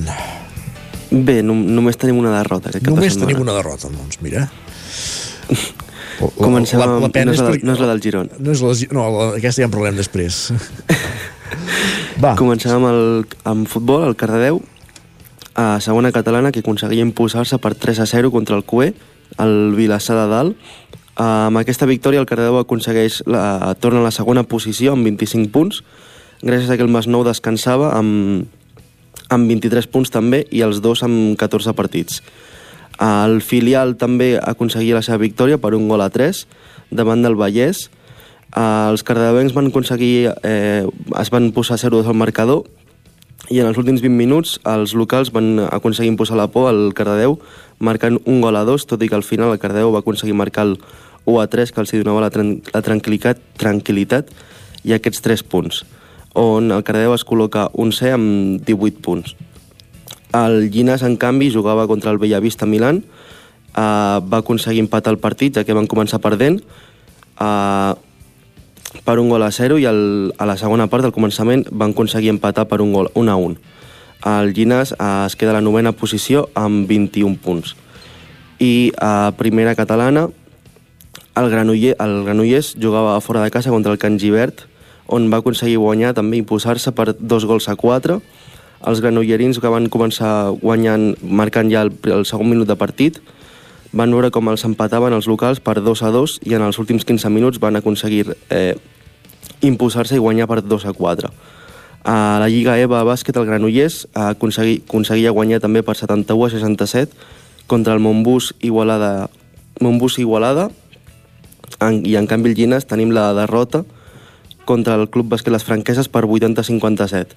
I acabem amb vol el CAC 7 femení, el Granollers, que aconseguia la segona victòria de la temporada per 21 a 14 contra el Mecali Atlético Guardas. Perfecte. Doncs moltes gràcies, Pol. Parlem després Fins de la ara. tertúlia d'aquesta derrota, podríem dir injusta del Girona, però això ja en parlarem després. Fins ara. Continuem aquest recorregut per les emissores del Territori 17, a una codinenca que ja ho he vist abans, ens hi esperen Roger Rams. Eh, com ha anat la jornada esportiva? Roger, bon dia. Bon dia, bon dia. Doncs mira, diria que quasi millor parlar del fred, eh? Perquè Carai, el dia va. i la nit, eh? El, el dia i la nit, després de- d'escoltar de, en Pol, això serà... Bueno, va, va, anem, anem, anem, a, anem a veure, anem a veure. Es van glaçar sí, els comencem... equips. Es van glaçar els teus equips, ja ho veig. Exacte. Va. Va, va, quedar tot, va quedar tot glaçat, un desastre. Comencem parlant de futbol, la primera catalana, on hi tenim el primer equip masculí d'Alcaldes, que va sumar ahir diumenge una nova derrota, aquest cop contra un altre equip ballesà, el Mollet. Els visitants es van avançar al marcador des de primer moment, amb un gol matiner al minut 12 de joc, i a la mitja part el marcador ja era de 0 a 2.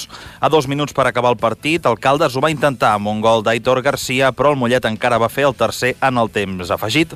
Amb aquest resultat, el conjunt calderí és 14è amb 13 punts i encadena ja 7 jornades seguides amb derrota. Més futbol, anem a la tercera catalana, el grup 5, allà hi tenim el Mollà, que tampoc no va tenir un partit fàcil i va perdre per 3 gols a 1 al camp del Sant Julià de Vilatorta. Malgrat que els moianesos es van avançar al marcador al minut 23 de joc, els usonencs van apretar de valent i van capgirar el partit. Un Mollà que, malgrat la derrota, això sí, es manté líder amb 34 punts gràcies als empats dels seus immediats perseguidors. En el mateix grup 5 de la tercera catalana, el Sant Feliu tampoc va aconseguir guanyar en la seva visita al camp del Ceba.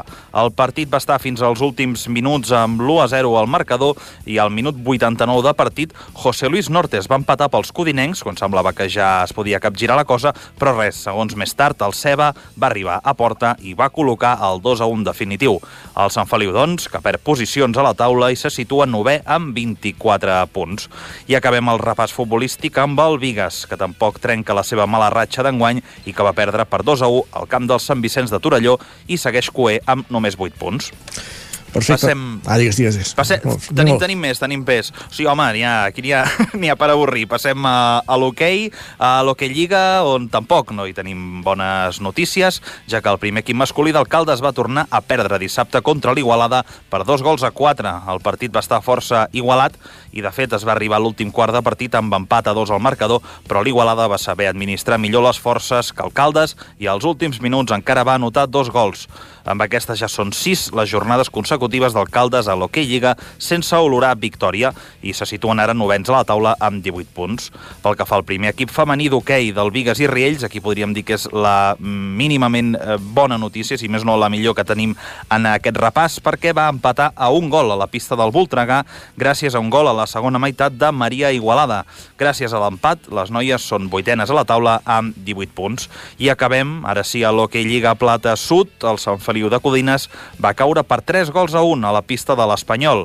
Per part dels codinencs, només Oriol Lozano, de penal, va poder marcar l'únic gol del partit i després d'aquesta derrota davant l'Espanyol, el Sant Feliu és d'Ué a la classificació amb només 6 punts. Ara sí. Pensa una cosa, Roger, que després de la derrota sempre ve la, la recuperació. Per tant, Sempre tot això, a millor, tot això clar. anirà amunt, no pateixis. Està clar, està clar, està clar. Això esperem. Doncs va, dona Gràcies. Codinenc, gràcies. Dona Codinenc que anem cap a la veu de Sant Joan per conèixer els resultats dels equips del Ripollès. Isaac Muntades, bon dia. Bon dia, bon dia. Ha anat millor la Bon- jornada aquí dalt? Sí, tenim ple de victòries aquí al Ripollès, per tant, eh, molt bona jornada per tots els equips ripollesos. la setmana que ve ho repartirem més bé, això. Sí. Exacte, bueno, si guanyen els equips ripollesos ja ens està bé, eh? També bé. no, no passa res eh, en aquest cas.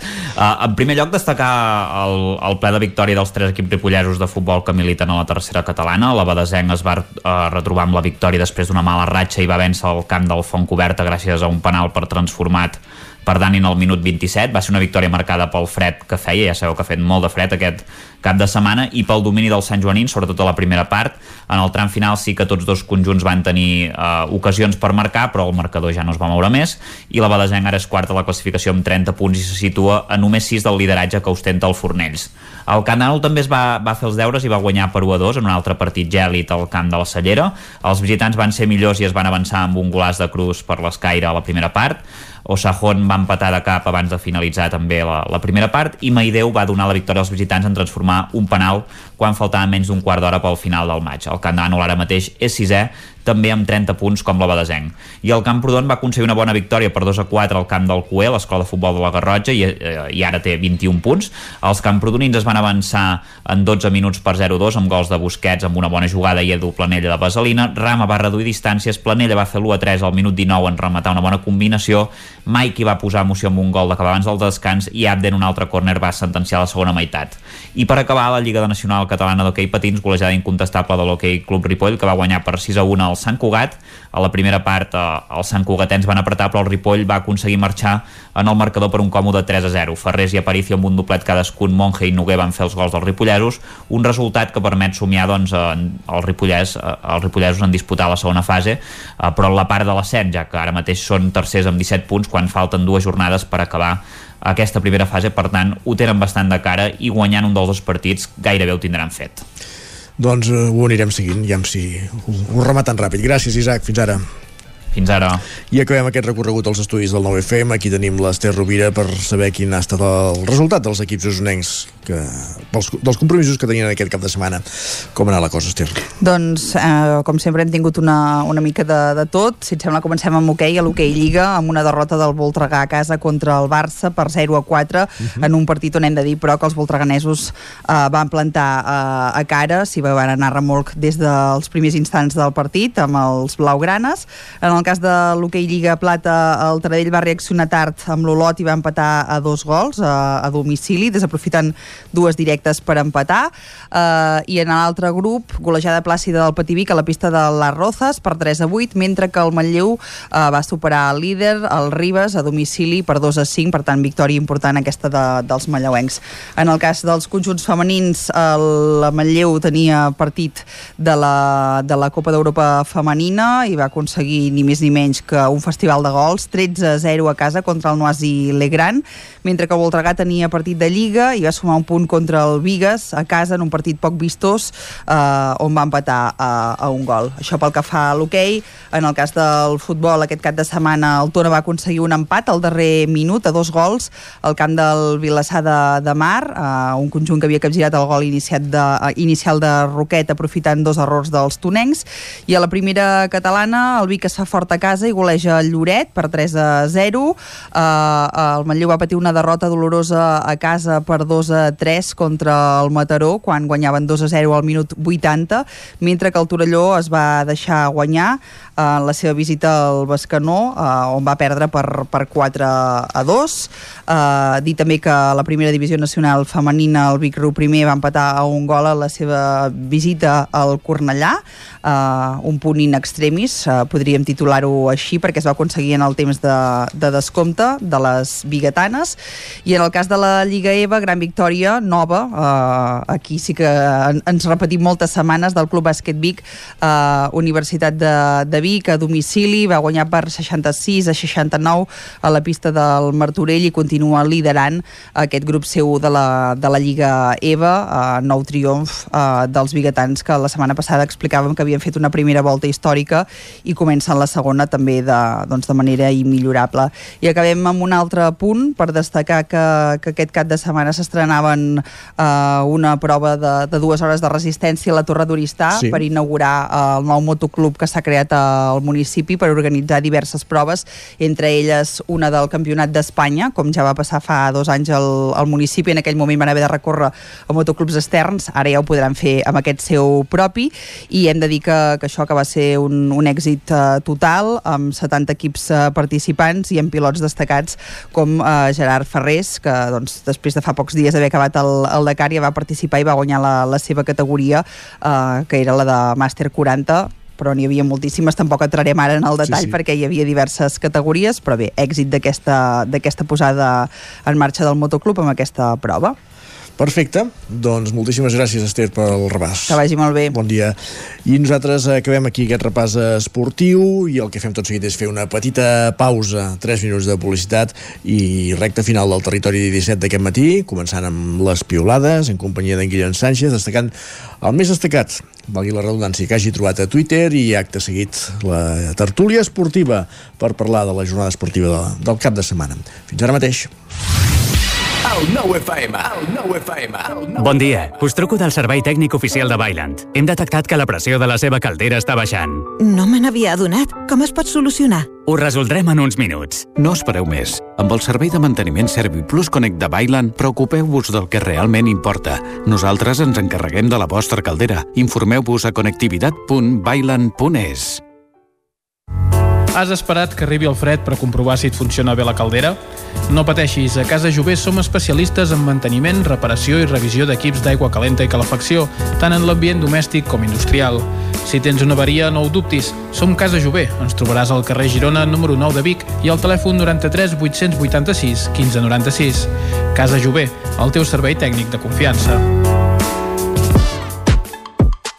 Al forn de pa i pastisseria Glina hi trobareu una gran varietat de pans de producció pròpia amb farina de blat i de molts altres tipus, tots elaborats al nostre obrador. També us oferim tortells, braços de gitano, coques, brioixeria i pastes seques i pastissos personalitzats. I ara també ens trobareu al Mercat Municipal de Torelló. Forn de Pa i Pastisseria Glina, carrer Major número 9 de Sant Vicenç de Torelló i Mercat Municipal de Torelló. Bon dia, són les 9 al Territori 17. Miquel Parella, alcalde. Cada matí i durant dues hores t'acompanyem i et posem al dia de l'actualitat de casa nostra. Potenciant així l'autonomia En aquest cas me la peça el taler si no... Cursos per feminitzar el pensament masculí. Territori 17, el magazín matinal d'Osona, el Moianès, el Ripollès i el Vallès Que la Oriental. meva àvia de 93 El anys... 9 FM, el 9 TV, el 99.cat i també els nostres canals de Twitch i hora YouTube. Demà per fer-se un tatuatge. Cada matí, Territori 17. Ole. Anuncia't al 9FM. La màquina de casa. 9 3 8 8 9 4 9 4 9. Publicitat arroba al 9FM.cat. Anuncia't al 9FM. La publicitat més eficaç. Cocodril Club. Si t'agrada la bona música dels anys 60, 70 i 80, escolta el 9 FM als matins de dissabtes i diumenges d'11 a 1. És el temps del Cocodril Club, tot un clàssic de la ràdio, amb les bases del pop-rock, les llegendes, les cançons que s'han convertit en autèntics himnes. Recorda, dissabtes i diumenges al matí, d'11 a 1, al 9 FM 92.8. Cocodril Club. El programa revival de l'Albert Malla. Hasta luego, Bon dia, són les 9 al Territori 17. Miquel Parella, alcalde. Cada matí i durant dues hores t'acompanyem i et posem al dia de l'actualitat de casa nostra. Potenciant així l'autonomia En aquest cas me la peça el taler si no... Cursos per feminitzar el pensament masculí. Territori 17, el magazín matinal d'Osona, el Moianès, el Ripollès i el Vallès Que la Oriental. meva àvia de 93 El anys... 9 FM, el 9 TV, el 99.cat i també els nostres canals de Twitch i YouTube. demà per fer-se un tatuatge. Cada matí, Territori 17. Ole. Ara mateix, dos quarts d'onze al Territori 17.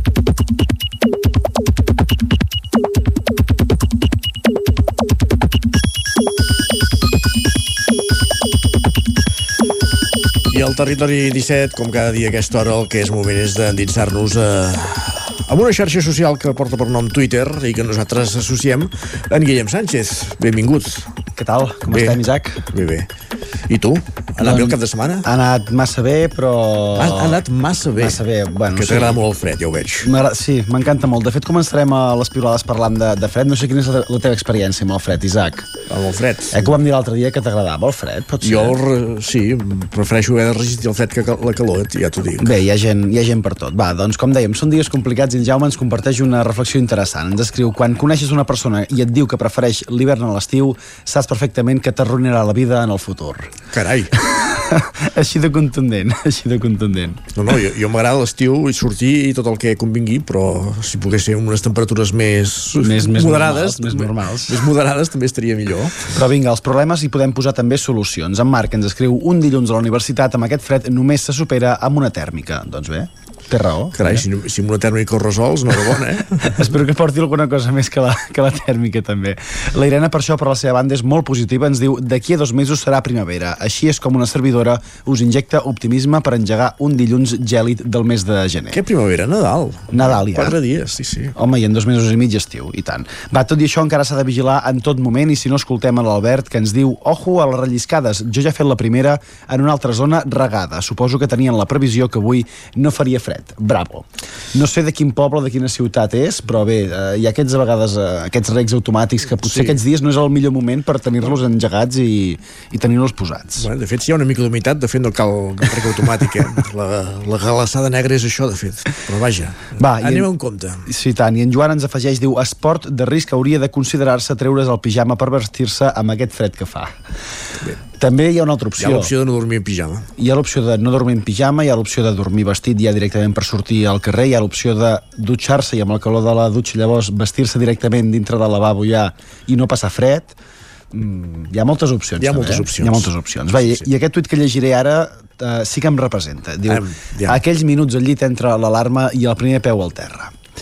No us passa allò que us desperteu 3 minuts abans que soni l'alarma que teniu posada al mòbil o al despertador? A vegades passa, però també em passa que sona l'alarma i el paro i llavors, els meus minuts són els posteriors que soni l'alarma. I llavors el dia ja, ja et ve condicionat per aquesta estona que ha Exacte. passat entre una cosa i una altra. Però el que me quiten la bailao. Que diuen. Va, i un consell que ens dona l'Ània, vinculat amb el fred, ens diu Fent un cafè al bar he escoltat que la setmana que ve les carxofes pujaran un euro perquè amb el fred que fa no es podrà fer la primera collita i hi haurà escassetat. Diu, recordeu aquest tuit. Les carxofes pujaran un euro. Per tant, si algú vol comprar carxofes, segons l'Ània, les ha de comprar ja perquè la setmana que ve pujaran de, Compreu, de preu. compreu-les aquesta setmana i veneu-les la que ve. Aviat, Ostres, mira, no- Aviat carxofes a preu de tòfon, ja, tu, ja ho veus. No se'm havia passat pel cap, això, Isaac. Qui se les va menjar segurament ja va ser la Marta i per una bona causa. Llegim un bon arròs a la cassola amb carxofa i costella de l'any passat per agafar forces que, havent dinat, comença la matança del porc 2023. Estofat de cèrvol dissabte, nano. Estofat de cèrvol? Jo no l'he provat mai. Què tal? Estupendo. A on? Uh... En algun lloc que es pugui dir? I tant que es pot dir. A Sant Eulàlia de Puigoriol, al al Cal Penyora, nano. Doncs mira, uh, ens hauràs de, de convidar un dia, Isaac. Ah, això. I es veu que aquest diumenge em sembla que es van donar els Premis Gaudí. Ahir, sí, aquesta nit, aquesta nit s'han donat, sí. Jo és que realment al món del cinema hi vaig una mica a peix, però sí que he volgut rescatar alguns dels missatges que ens han deixat a les xarxes uh, De peixos de la... no, anaven de préssecs del Carràs, va, els, els Gaudí ahir, sí. Després de la gala, I va. de Villaronga, malauradament, I que, tant. que se li va dedicar la gala perquè havia mort la, mate- el mateix diumenge, la matinada anterior. En aquest sentit, en Marc ens escriu Portem 15 minuts de Premis Gaudí i encara no s'ha fet referència a Eufòria ni ha sortit cap concursant. Diu, tot bé a TV3? Home, s'ha d'aplaudir, si més no. L'Anna ens destaca una situació curiosa, ens diu el Mago Pop entregant premis de cinema, en pixo amb Catalunya, de veritat, i el millor tuit de... El Mago Pop i la Rigoberta Bandini també. eh? Correcte. Perdona, Va, sortir amb el nom de Pablo Ribó i potser algú li va passar desapercebut, però era ella. Va, i una recomanació de la Marta per esdeveniments com aquests ens diu ja sabem que donareu les gràcies a la vostra família i al vostre equip, podeu saltar-vos aquesta part i així les gales durarien com a mínim una hora menys. Sí, però això, clar, ara ho diem perquè són els Gaudí, però diguem-ho també quan són els Goya. No, no, amb tot, amb tot, amb tot, I- i el- evidentment. Perquè, clar, els Gaudí al final, mira, però és que No, els no. Goya s'eternitzen. Totes les, de Déu. totes les gales es fan llargues també dels temes que més t'interessen. Per tant, eh, gràcies a la família, amics i equip ja d'entrada i vinga, anem a dir coses una mica més interessants, no? Que vols dir que no és interessant el que van dir els premiats els Gaudí? No vaig escoltar, per Ah, tant no, no tinc opinió, Isaac, no tinc opinió.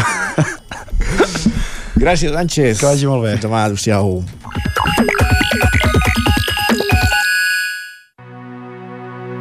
Territori 17. El 9 FM, la veu de Sant Joan, Ona Codinenca, Ràdio Cardedeu, Territori 17.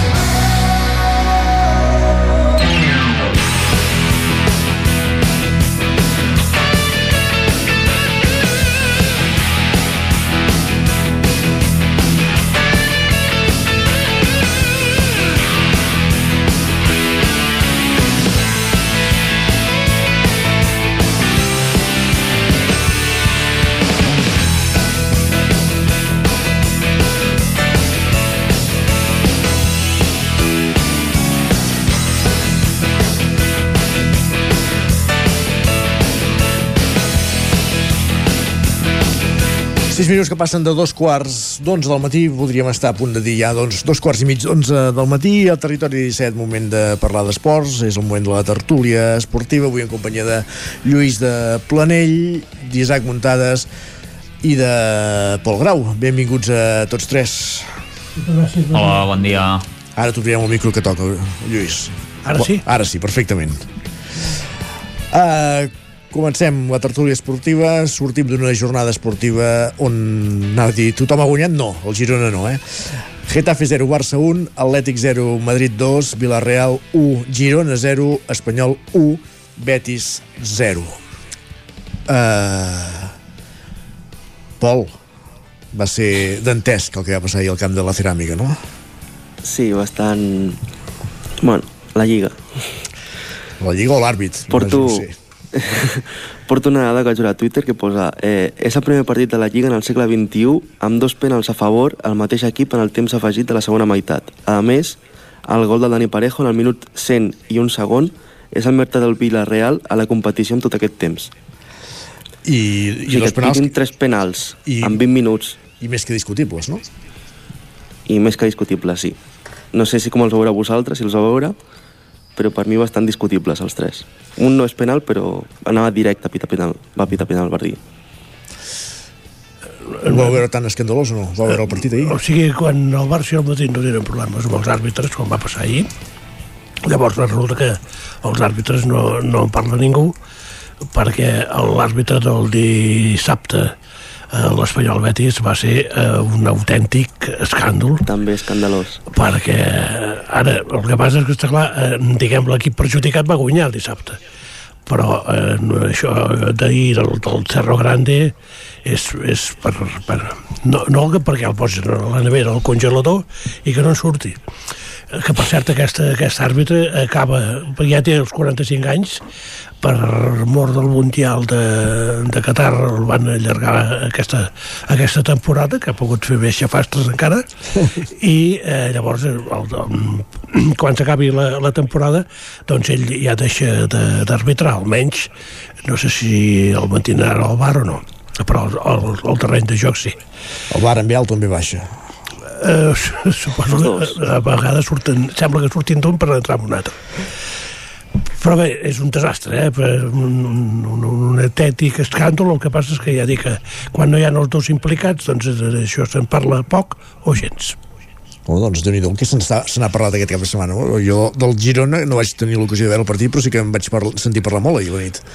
És que el segon penal, o, o sigui, el primer, mira, però el segon... És, un, és, toca el davanter i mira, pots pitar-lo, per mi sí, però sí, el segon... És que és, és pites un... 15 penals d'aquests en cada partit. Exactament, cada corna hi hauria un penal, vull dir que ja, ja, ja no, ni s'haurien de mirar.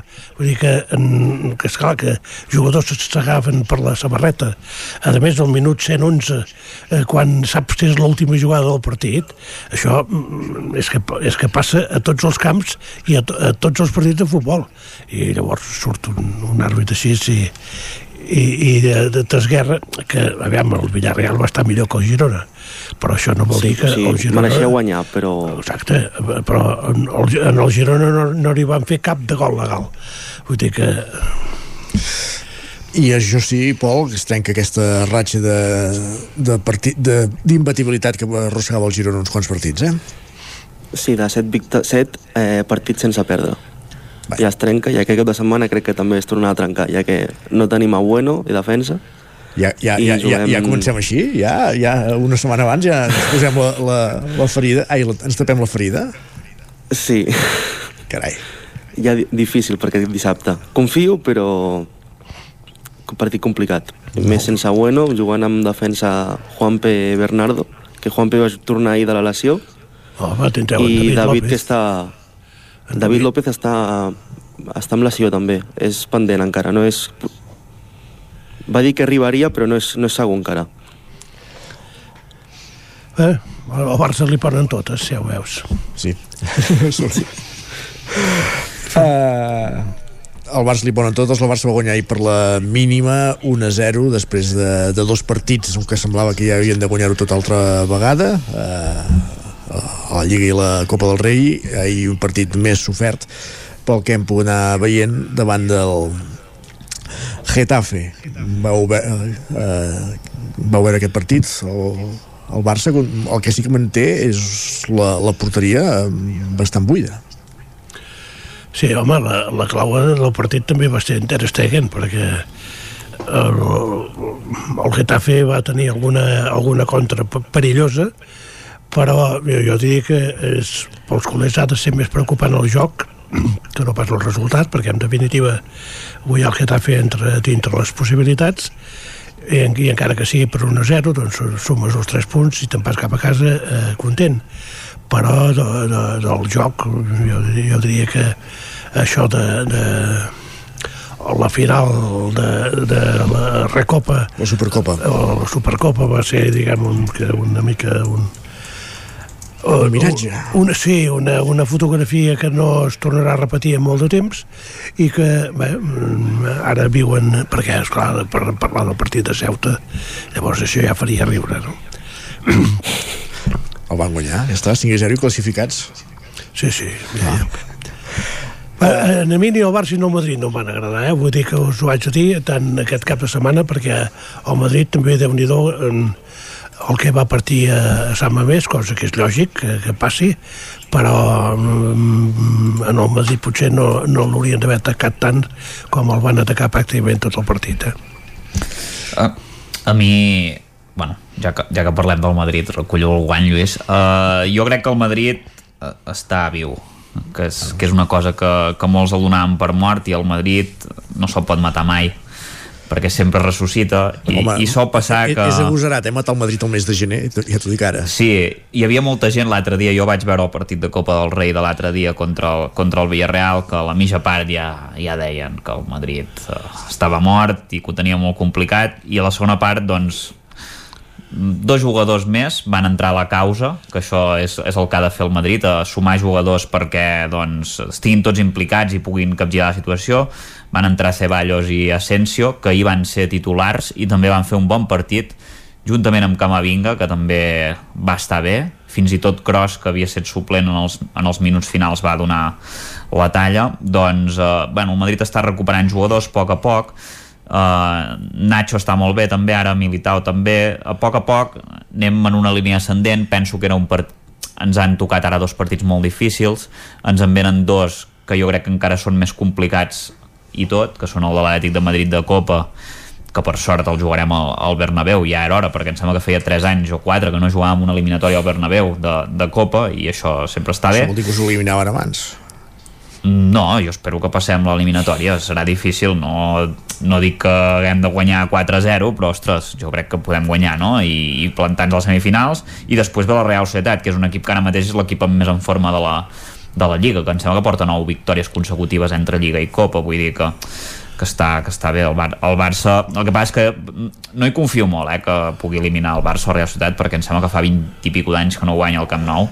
Llavors eh, no hi confio, però bueno, mai se sap, no? El futbol a vegades té aquestes sorpreses i, i una pena, perquè si hagués tocat a Noeta, doncs el Barça potser sí que estaria fora de la Copa ho tindria més complicat i ara ho veig, ho veig complicat ho veig Bueno, primer s'han de jugar els partits abans de fer fora Sí, un- per això per això, però bueno, tindria més opcions no? ara, ara veig el Madrid una mica en procés de recuperació, a veure si aquests dos partits van una mica bé, sobretot si es, si es pot classificar per les semifinals, que jo penso que és el partit important, i el de Noeta ja ja, ja arribarà i, i anar recuperant jugadors i, i, i lesionats també, que és, que és el més important per la Real Societat ara li ve l'examen de, final de curs, diguem, eh? perquè primer el Barça i després el Madrid, eh, llavors sabrà exactament on és, i si efectivament, Exacte. perquè ara ja comencen a parlar de... Els bascos ja comencen a parlar d'optar al títol. Si això és una realitat o és una mica un somni perquè bé, la Real sembla que té no solament un bon equip, sinó també una bona plantilla, però mm, segur que no està a nivell de d'aquests eh, més que milionaris de, de, de, o mil milionaris del Madrid i, i del Barça. Però bé, ara eh, que els enganxen un bon moment, ara tenen Sí. l'opció de, de de posar les, les cartes sobre la taula i de demostrar doncs, que efectivament poden. Realment estan a 3 punts del Madrid i 7 del Barça. Per tant, que passa que els no, del Sí, Barça. tenen un partit menys, eh, el Madrid i el Barça. També és cert, sí, ara vull. Sí, sí, però vull dir, la Real Societat eh, l'última vegada que va estar a punt de guanyar una lliga eh, va ser precisament en una lliga molt disputada contra el Madrid, en aquell equip hi havia Fa Xavi Alonso, Co recordo, sí. Kovacevic, Nihat, si això era 2002 o una cosa així, Sí. sí. 2001 o 2002 o no, no recordo exactament eh, la, la temporada i em sembla que es va quedar a 3 punts de guanyar la Lliga una, una cosa així, Es no? que va estar... jornada, em sembla. però- Sí, sí, i, el, i en els últims 3 o 4 partits encara anava per davant, però el Madrid al final va, va remuntar el Madrid dels Galàctics, hi havia Ronaldo, Figo, bueno, tots aquests jugadors, Zidane, Zidane no sé si era encara, uh, i, i bé, uh, ha plogut des de llavors i és complicat que un equip que no sigui Barça-Madrid o Atlètic de Madrid, que també s'ha pogut colar en aquests anys i, i també ha fet bones temporades, doncs pugui guanyar el títol. Són aquests, aquests són els equips que disputen el títol. Després, en aquests últims anys no recordo cap equip que s'hagi colat. És, el Sevilla l'any passat va donar la impressió una mica però al final es va punxar i no recordo cap altre equip que hagi allò estat a la vora. Vull dir, la lliga és molt bipolar en aquest sentit, no, no és com altres, com altres lligues que hi ha més bueno, últimament no, eh, també de fet perquè Anglaterra sol guanyar sempre el mateix i tot i que aquest any suposo que, que canviarà a Alemanya sí que guanyarà el Bayern a, a França guanyarà el PSG a Itàlia ja sembla que hi haurà un canvi però bueno, és difícil eh, la Lliga Espanyola Ara l'Atlético remuntarà amb la incorporació de Memphis Depay, no? Uf, no, no sé eh? no sé, home No veieu és un bon fi- aquesta jugada? És un bon fitxatge, però jo crec que Joao Fèlix ara estava en el seu millor moment. Abans de desfer-se i, i cedir-lo al Chelsea, crec que estava jugant bé el, el jugador portuguès. No sé, no sé, eh? Jo, la veritat, Memphis Depay, clar, Les, la temporada passada era l'estrella del Barça, perquè no hi havia ningú més, i havia de tirar del carro ell, es va lesionar, va fer bon... no va fer pas mals números, però aquesta temporada no, no ha jugat gaire, no sé com estarà. A veure. Jo penso que aquests jugadors que no s'adapten a la Lliga Espanyola i, no, i, i difícilment ho farà. Vull dir, té un tipus de joc diferent i que eh, per aquí no encaixa, això no ho hem trobat amb, amb molts altres jugadors, especialment davanters, que mm, venen, diguem, amb un bagatge golejador altíssim i aquí no s'ada- no no s'adapten, no, no, Mm, bé, mm, són circumstàncies de, del futbol i, i jo penso que Memphis no, no, no serà ni per suposat ni un substitut de Joao Fèlix de cap manera Mhm. jo diria que Exacte. això és més una, una qüestió Joao eh, Simeone que no s'entenien i que un, un dels dos havia de marxar i portava més anys en Simeone que no pas en Joao doncs, i, doncs ell va marxar al portuguès.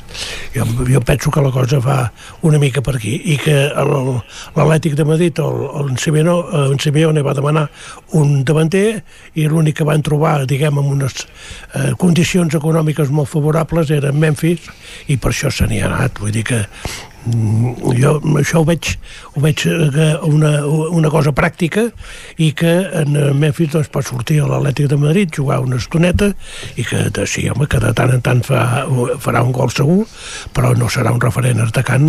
Jo n'estic gairebé convençut.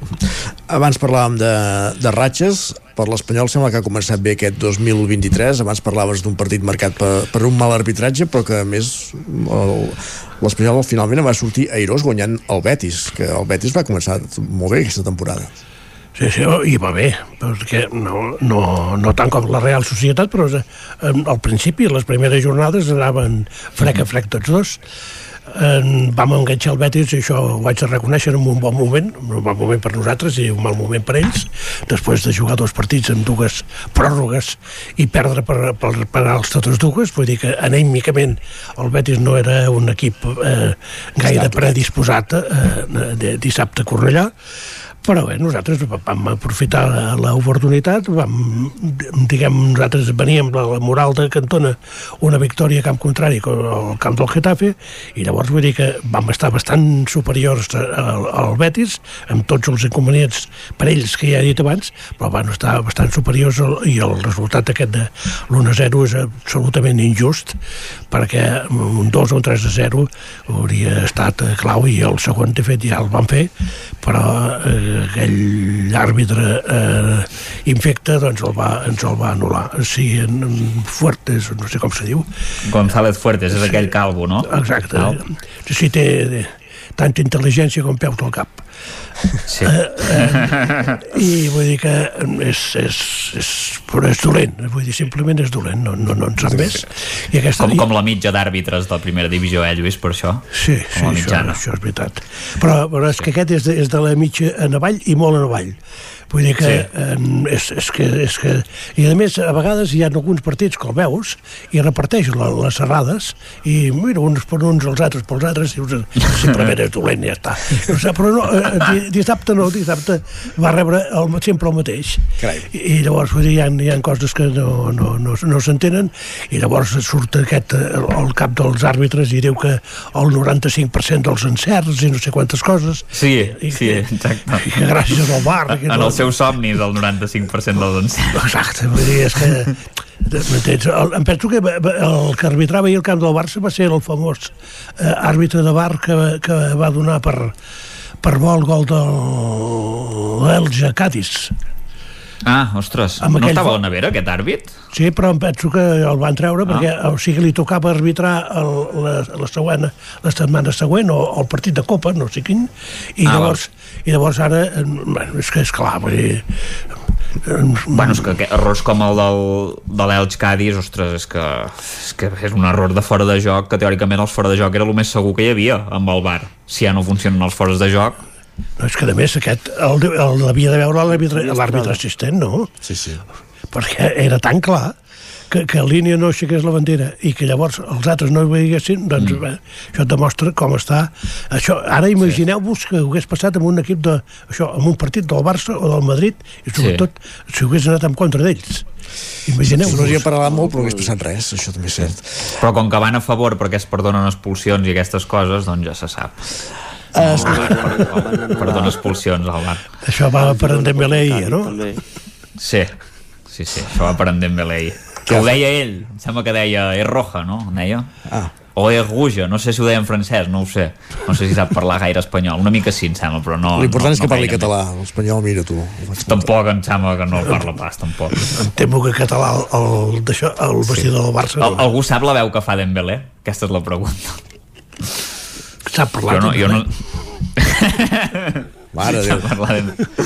El divend... uh, continuem amb l'Espanyol. El divendres jugueu al camp de l'Almeria. Divendres al vespre, eh? Sempre ja, ja sé que ens diràs que sempre us posen aquests horaris estranys als mateixos equips.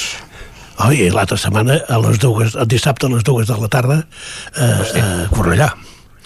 Vull dir que Contra? És, contra l'Ossassuna. Ah, bueno. Vull dir que, esclar, és per omplir el camp, també. Sí, sí. Però bé, és igual. Eh, Vull no, l'Almeria permet continuar aquesta ratxa que dèiem abans, no?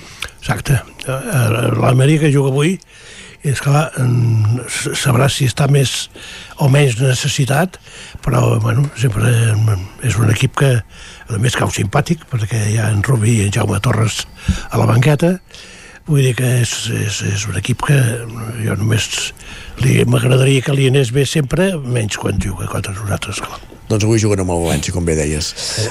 Pol, i ja avançaves abans que ja et anaves posant la, la tirita abans de la ferida, el Girona, derbi amb el Barça dissabte, a Montilivi, per tant, camp ple, i, i si més no, disfrutar del partit, no? Sí, a veure com juguen. Jo espero victòria, però partit complicat, on no arribem tampoc amb els millors jugadors disponibles, però, però s'intentarà guanyar. El Girona és d'aquells equips que es creix, no? Contra rivals com el Madrid, el Girona, l'Espanyol, el Barça... No, és que és sí. contra el Madrid, contra el Barça, no. Ah. és contra el Madrid només. El Barça difícil encara. I l'Espanyol un també, partit no? al Camp Nou 2 a 2, però... Sí, ja està, no? Però ja està. Ja està. Ja està. tot l'altre crec que han sigut tot derrotes ja. Home, no, però, el partit de dissabte a Montilivi es, es presenta interessant perquè si sí. el Barça no, no dona una millor versió que la que va oferir ahir, doncs el, el Girona li pot complicar molt les coses, mal, malgrat les baixes que puguin tenir els gironins, perquè la primera és ve d'una errada arbitral eh, de, de, de Villarreal eh, perquè és una targeta, eh, la segona targeta immerescuda. Però, però bé, jo em penso que en David, en, com a bon perico que és, eh, farà els impossibles per jugar contra el Barça i posar-los les coses complicades. Tant de bo. Espero, esperem que sí, que pugui jugar i doni la millor versió. L'altra cosa és que li, jugui, li surti bé la jugada, que és un altre tema. L'altra cosa és que en perdés el Barça Montilivi i perdés el, el Madrid contra la Real Societat al Bernabéu, que tampoc és descartable. Llavors iguala molt No. tot, eh? No, però aviam si guanya el Madrid. Si, si guanya el Madrid i això ja anirem líders, ja tot tornarà en els cauces, no?, que es diu, no? Com no s'havia d'haver ha mogut mai la cosa, no? I, Amb el I Madrid encara podrà guanyar el sextet i tot, llavors, eh? Bueno, el sextet no, però el triplet encara és possible. I els cinc títols també.